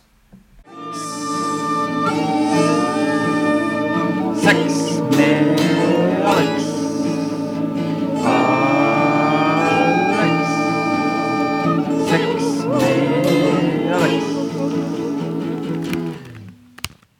Yes, det var, det var jinglen til, til Vangen. Med to, to tostemt blokkfløyte, bare så det er sagt. Og her er jo casen, da. Vi har gitt deg oppgaver. oppgave. Alex. Nå skal du, liksom plukke, du skal plukke seks spillere som du skal ha med deg på en volleyballturnering. Dere skal sikkert overnatte på, i telt og ut ja, Hvorfor skal dere overnatte i telt, det vet jeg ikke. Men dere skal i hvert fall ut og dere skal reise på en lang biltur sammen. Dere skal overnatte. Eh, Så du må tenke på masse forskjellige ting. I tillegg får du ikke lov å ta med eh, verken noen fra etasjen din eller eh, fra din egen linje. Og du kan kun ta med én fra hver linje ellers. Hvem tar du med deg? Også der, der kom, Den var ny. Den var ikke fra sist at jeg ikke får ta med noe for egen etasje. Men eh, da får vi, da setter vi litt på spotten, men da får jeg finne en etter hvert. Jeg skal, jeg kan gi en shout-out til, denne personen uansett. da. Ja, hvem var det? Det var jo så klart eh, Daniel Roba, din romkamerat. Ropester. Han skal få en, litt- jeg, skal, jeg skal lese Jeg skal si hva jeg Jeg skal si hva jeg skulle sagt om han uansett, så han får, han får en shout-out. Han får tid i denne spalten. Vel fortjent. Hei, Daniel Roba. Vær så god, Daniel Roba. Men eh, jeg tenker eh, det er, vel jeg som, er det jeg som skal være coach? Er det det som er planen? Eller er det bare ja, det- Eller vil du ha deg sjøl med på laget? Er du så cocky? Nei. Dette er vel et kollegium, tror jeg, så alle er vel likestilt. Okay. Hvis jeg har tolket Så, det riktig. men, da, ja, ok, men jeg har i hvert fall valgt ut et, eh, en start sekser, da. Eller en, en lineup. Ja, veldig bra. En sekser. Og, Gruppe eh, seks, som Rygg ofte pleide å si når vi gikk opp uh, Rik- Gikk opp uh, Hva det på Hva heter det? Lårdalsstigen. Ja, og da var han på gruppe seks, som opptalte alltid gruppe seks. Riktig. Var Ja, det var gruppe ti-stemning. Det var Anders Mil, var det det? Det var Anders Mil sin gruppe, ja. Ja, det, det var, Det var den der altfor Ja, gira gjengen, var det ikke det? Ja. Det er korrekt. Nei, men den første som ble notert ned, må jo være en shout-out til min gode venn uh, Ole Jakob Reilstad. Han uh, må med. Han må med. Hvorfor? Uh, først og fremst det viktigste er at han er venstrehendt. Så da har vi sikra diagonalen. Det er det viktigste. Um, og så er han en Jeg har jo sittet på mange turer med Ole Jakob i bil, og han er en solid og stabil sjåfør. Så jeg føler meg trygg når jeg sitter på med han. Og jeg vil gjerne at Så ingenting personlig foreløpig. det er bare det praktiske. praktiske fordeler. Det er derfor han er med. Kun på det praktiske, egentlig. Han er kanskje også en av de mest handy menn jeg vet om. Og eh, faktisk, skal vi se, det var for fire år Eller skal vi se Ja, litt over en måned siden, halvannen måned siden, så var jeg hjemme hos Ole Jakob. Han hadde invitert meg hjem på middag i sin nye bolig på Jæren.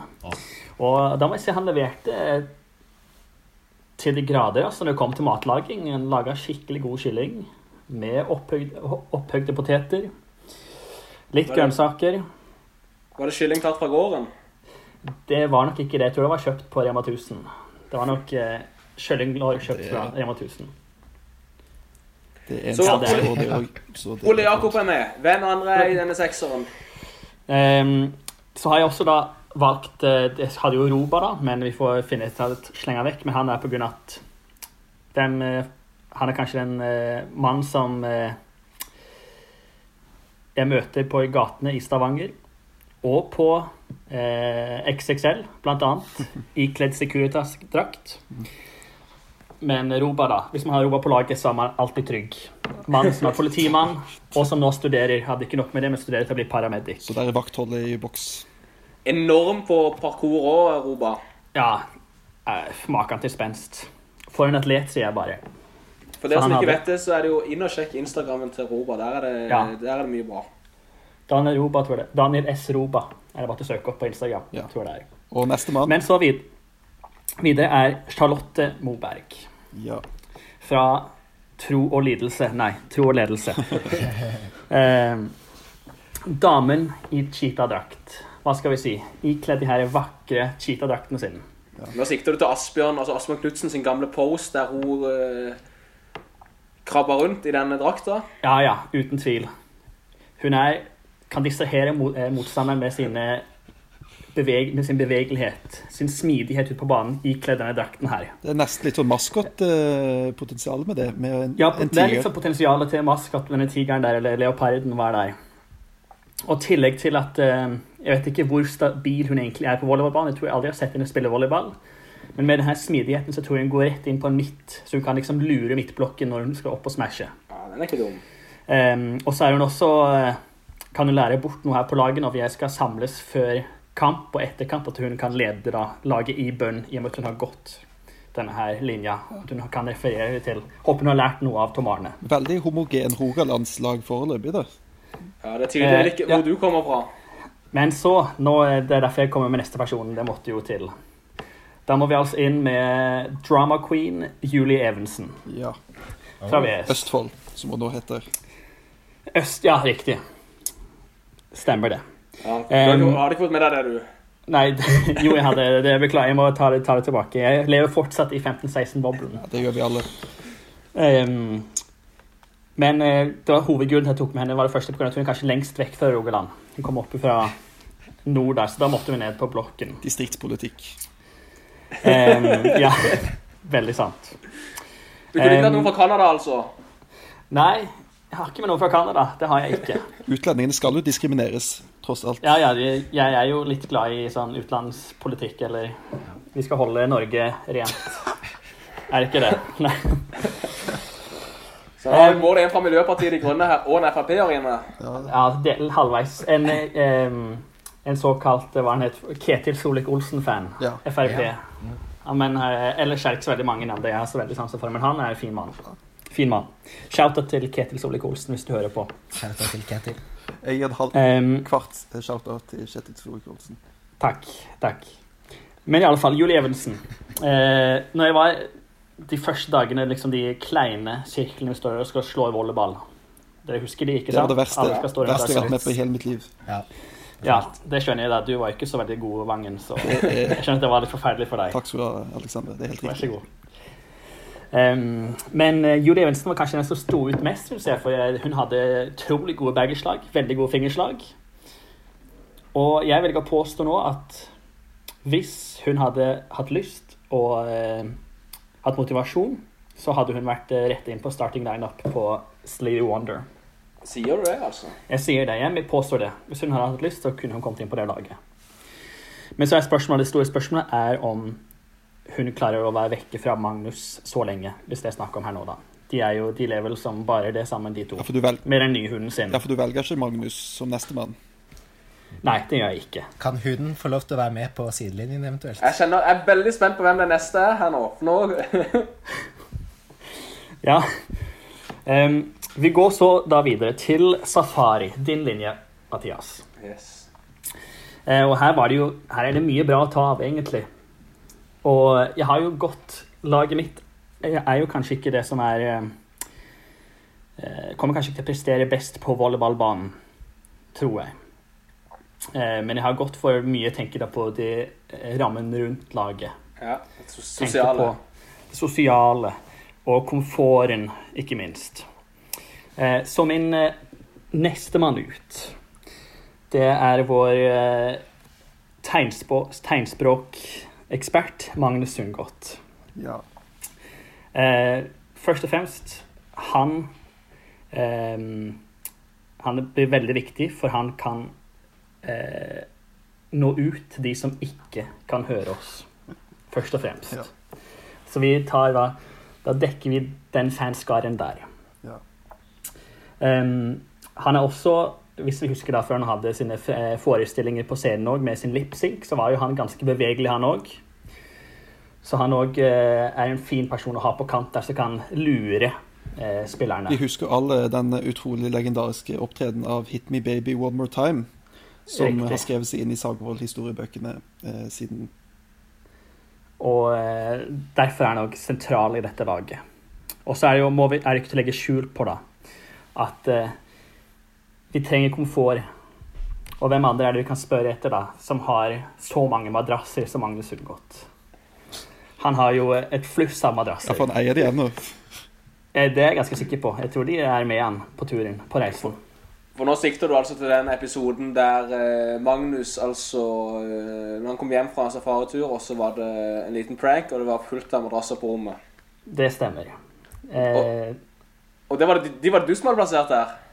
Eh, ja, det var jo oss på Furuheim igjen som hadde plassert dette her. Og det Vi ser jo tilbake på at det var, var kanskje litt dumt, men vi, også, vi står jo fortsatt for at man bør låse sitt rom når man reiser på tur.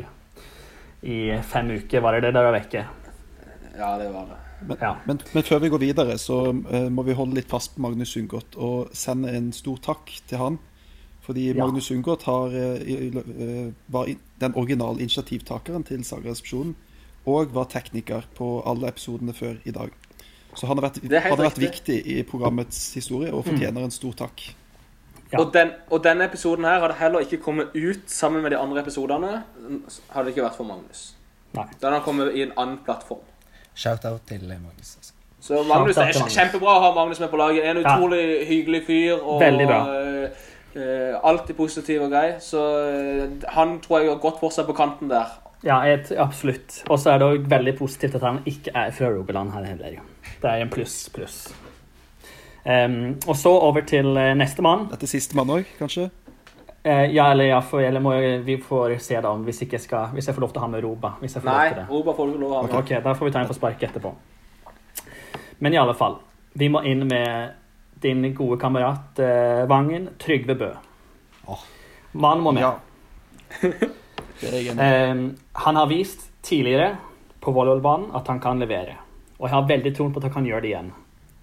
Er ja, han, kanskje, han blir nesten stjernen på laget etter det han gjorde på volleyballtreffet. Da siktet til når han traff volleyballen oppi basketballkorga. Den famøse svisjen. Det var kanskje den fineste svisjen jeg har sett i mitt liv. Um, han er også musikalsk, som kan levere godt på uh, utfor banen. Han kan uh, jamme litt. Så kan vi ha med uff, Nå vet jeg ikke om vi har fått med noen som er så veldig god til å synge her, da. Men vi kan få med litt sånn allsang med Ole Jakob, ikke sant? Og eh, Magnus og Jakob. De kan eh, jamme sammen, de. Um, og han kan også eh, Trygve er også kapabel til å eh, stelle i stand en skikkelig god avslutningsfest, ser jeg for meg. Han kan liksom stelle i stand en skikkelig god fest. Det kan han. Uten tvil. Um, Og så er det jo sånn, de, beste, de beste spillerne nå, sånn historisk sett sånn på fotballag og sånn, er jo de der som har kan ta litt sånn der, kan finne på å gå litt ut forbi reglene noen ganger, og Ja. trikse og mikse litt, og, og, men som bare, når de kommer på banen, så bare leverer de. Trygve er en De er artister på alle mulige måter. Han er en kunstner, først og fremst. Både på banen Og og banen. Først og fremst. en garantist for eh, store øyeblikk også. Ja. Og så, da, skal vi se. Da må vi ta en Da har jeg da linjen igjen som er Det er vel eh, eh, Da skal vi se, det er vel Kred, eller hva var det linja het når vi var på Kreativ Kreativ design heter han. Kreativ design. Riktig. Da har vi den linjen, eller fiks, da, i og med at Roba blir kutta Ja. av. At han ble Og, og da mener jeg da skal du gå for kred-linja. OK. Da går jeg Du trenger noe mer kreativt. Det er faktisk sant. Det er faktisk sant. Um, skal vi se.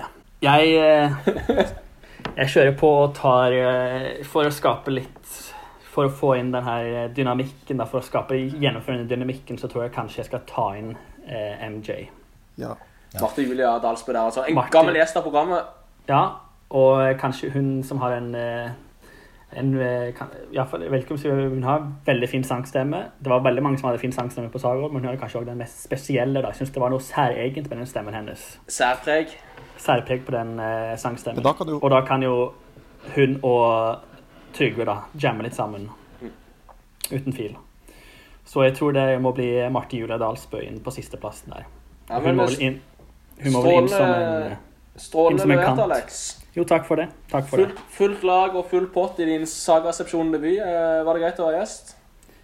Ja, det var det. Absolutt. Det var hyggelig. Så for, så for å oppsummere seks med Alex, så har vi altså Marte Julia, Trygve, Julie Østfold, eh, ikke Daniel Roba, eh, Charlotte Moberg, eh, hvem andre? To til. Eh, Ole Jakob, Ole Jakob. Trygve Bø Ja. og Magnus.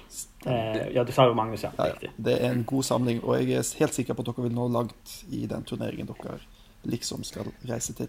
Ja, men eh, Veldig bra, Alex. Eh, og sikkert gøy for alle de tre som fortsatt lytter på. Eh, Yes. Kjempebra. Da, eh, da runder vi av for deg, Alex. Det var hyggelig at du ville være med. Lykke til videre. Er du i Etiopia nå, eller? Jeg skulle ønske det, men eh, der er ikke koronaen like utbredt. Men jeg holder meg hjemme på Tasta. for holder i tasta. Da ses vi sikkert i Oslo snart igjen. Det gjør vi. Ha det bra, Aleksander. Ha det bra. Ha det bra. Hei, dette her er Ingeborg Stipp fra eh, Sagarådet. Du hører dessverre på Sagaresepsjonen. Yes, da, da nærmer vi oss slutten på denne, denne spesialen. Fra Tobias til Alexander. De bodde ikke langt fra hverandre på Furuheim, men eh, det, vi har fått snakka med mange folk, Jens. Og det virker som om at uh, de folk syns det er kjekt å mimre. Vi håper det har vært en kjekk episode å høre på. Hva, hva sitter du igjen med, Jens, etter, etter, denne episoden her? For min del syns jeg det har vært utrolig spennende å høre med mange av de som jeg ikke har prata med på utrolig mange år. Eh, F.eks. Tobias eller Curly. Og det er jo nettopp det vi håper at dere, våre kjære lyttere, også kanskje har syntes.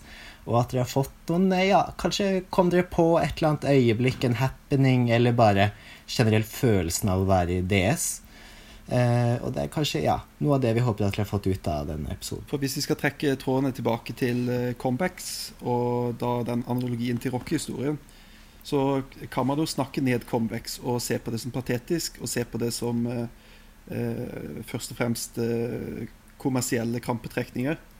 Men på en annen side, alle de som drar på disse comeback-showene, eh, som gir de minner fra sin fortid og sin ungdom, og den tiden de var kanskje på sitt lykkeligste, eh, de er jo ofte veldig lykkelige i de øyeblikkene, selv om det er litt patetisk og litt nostalgisk.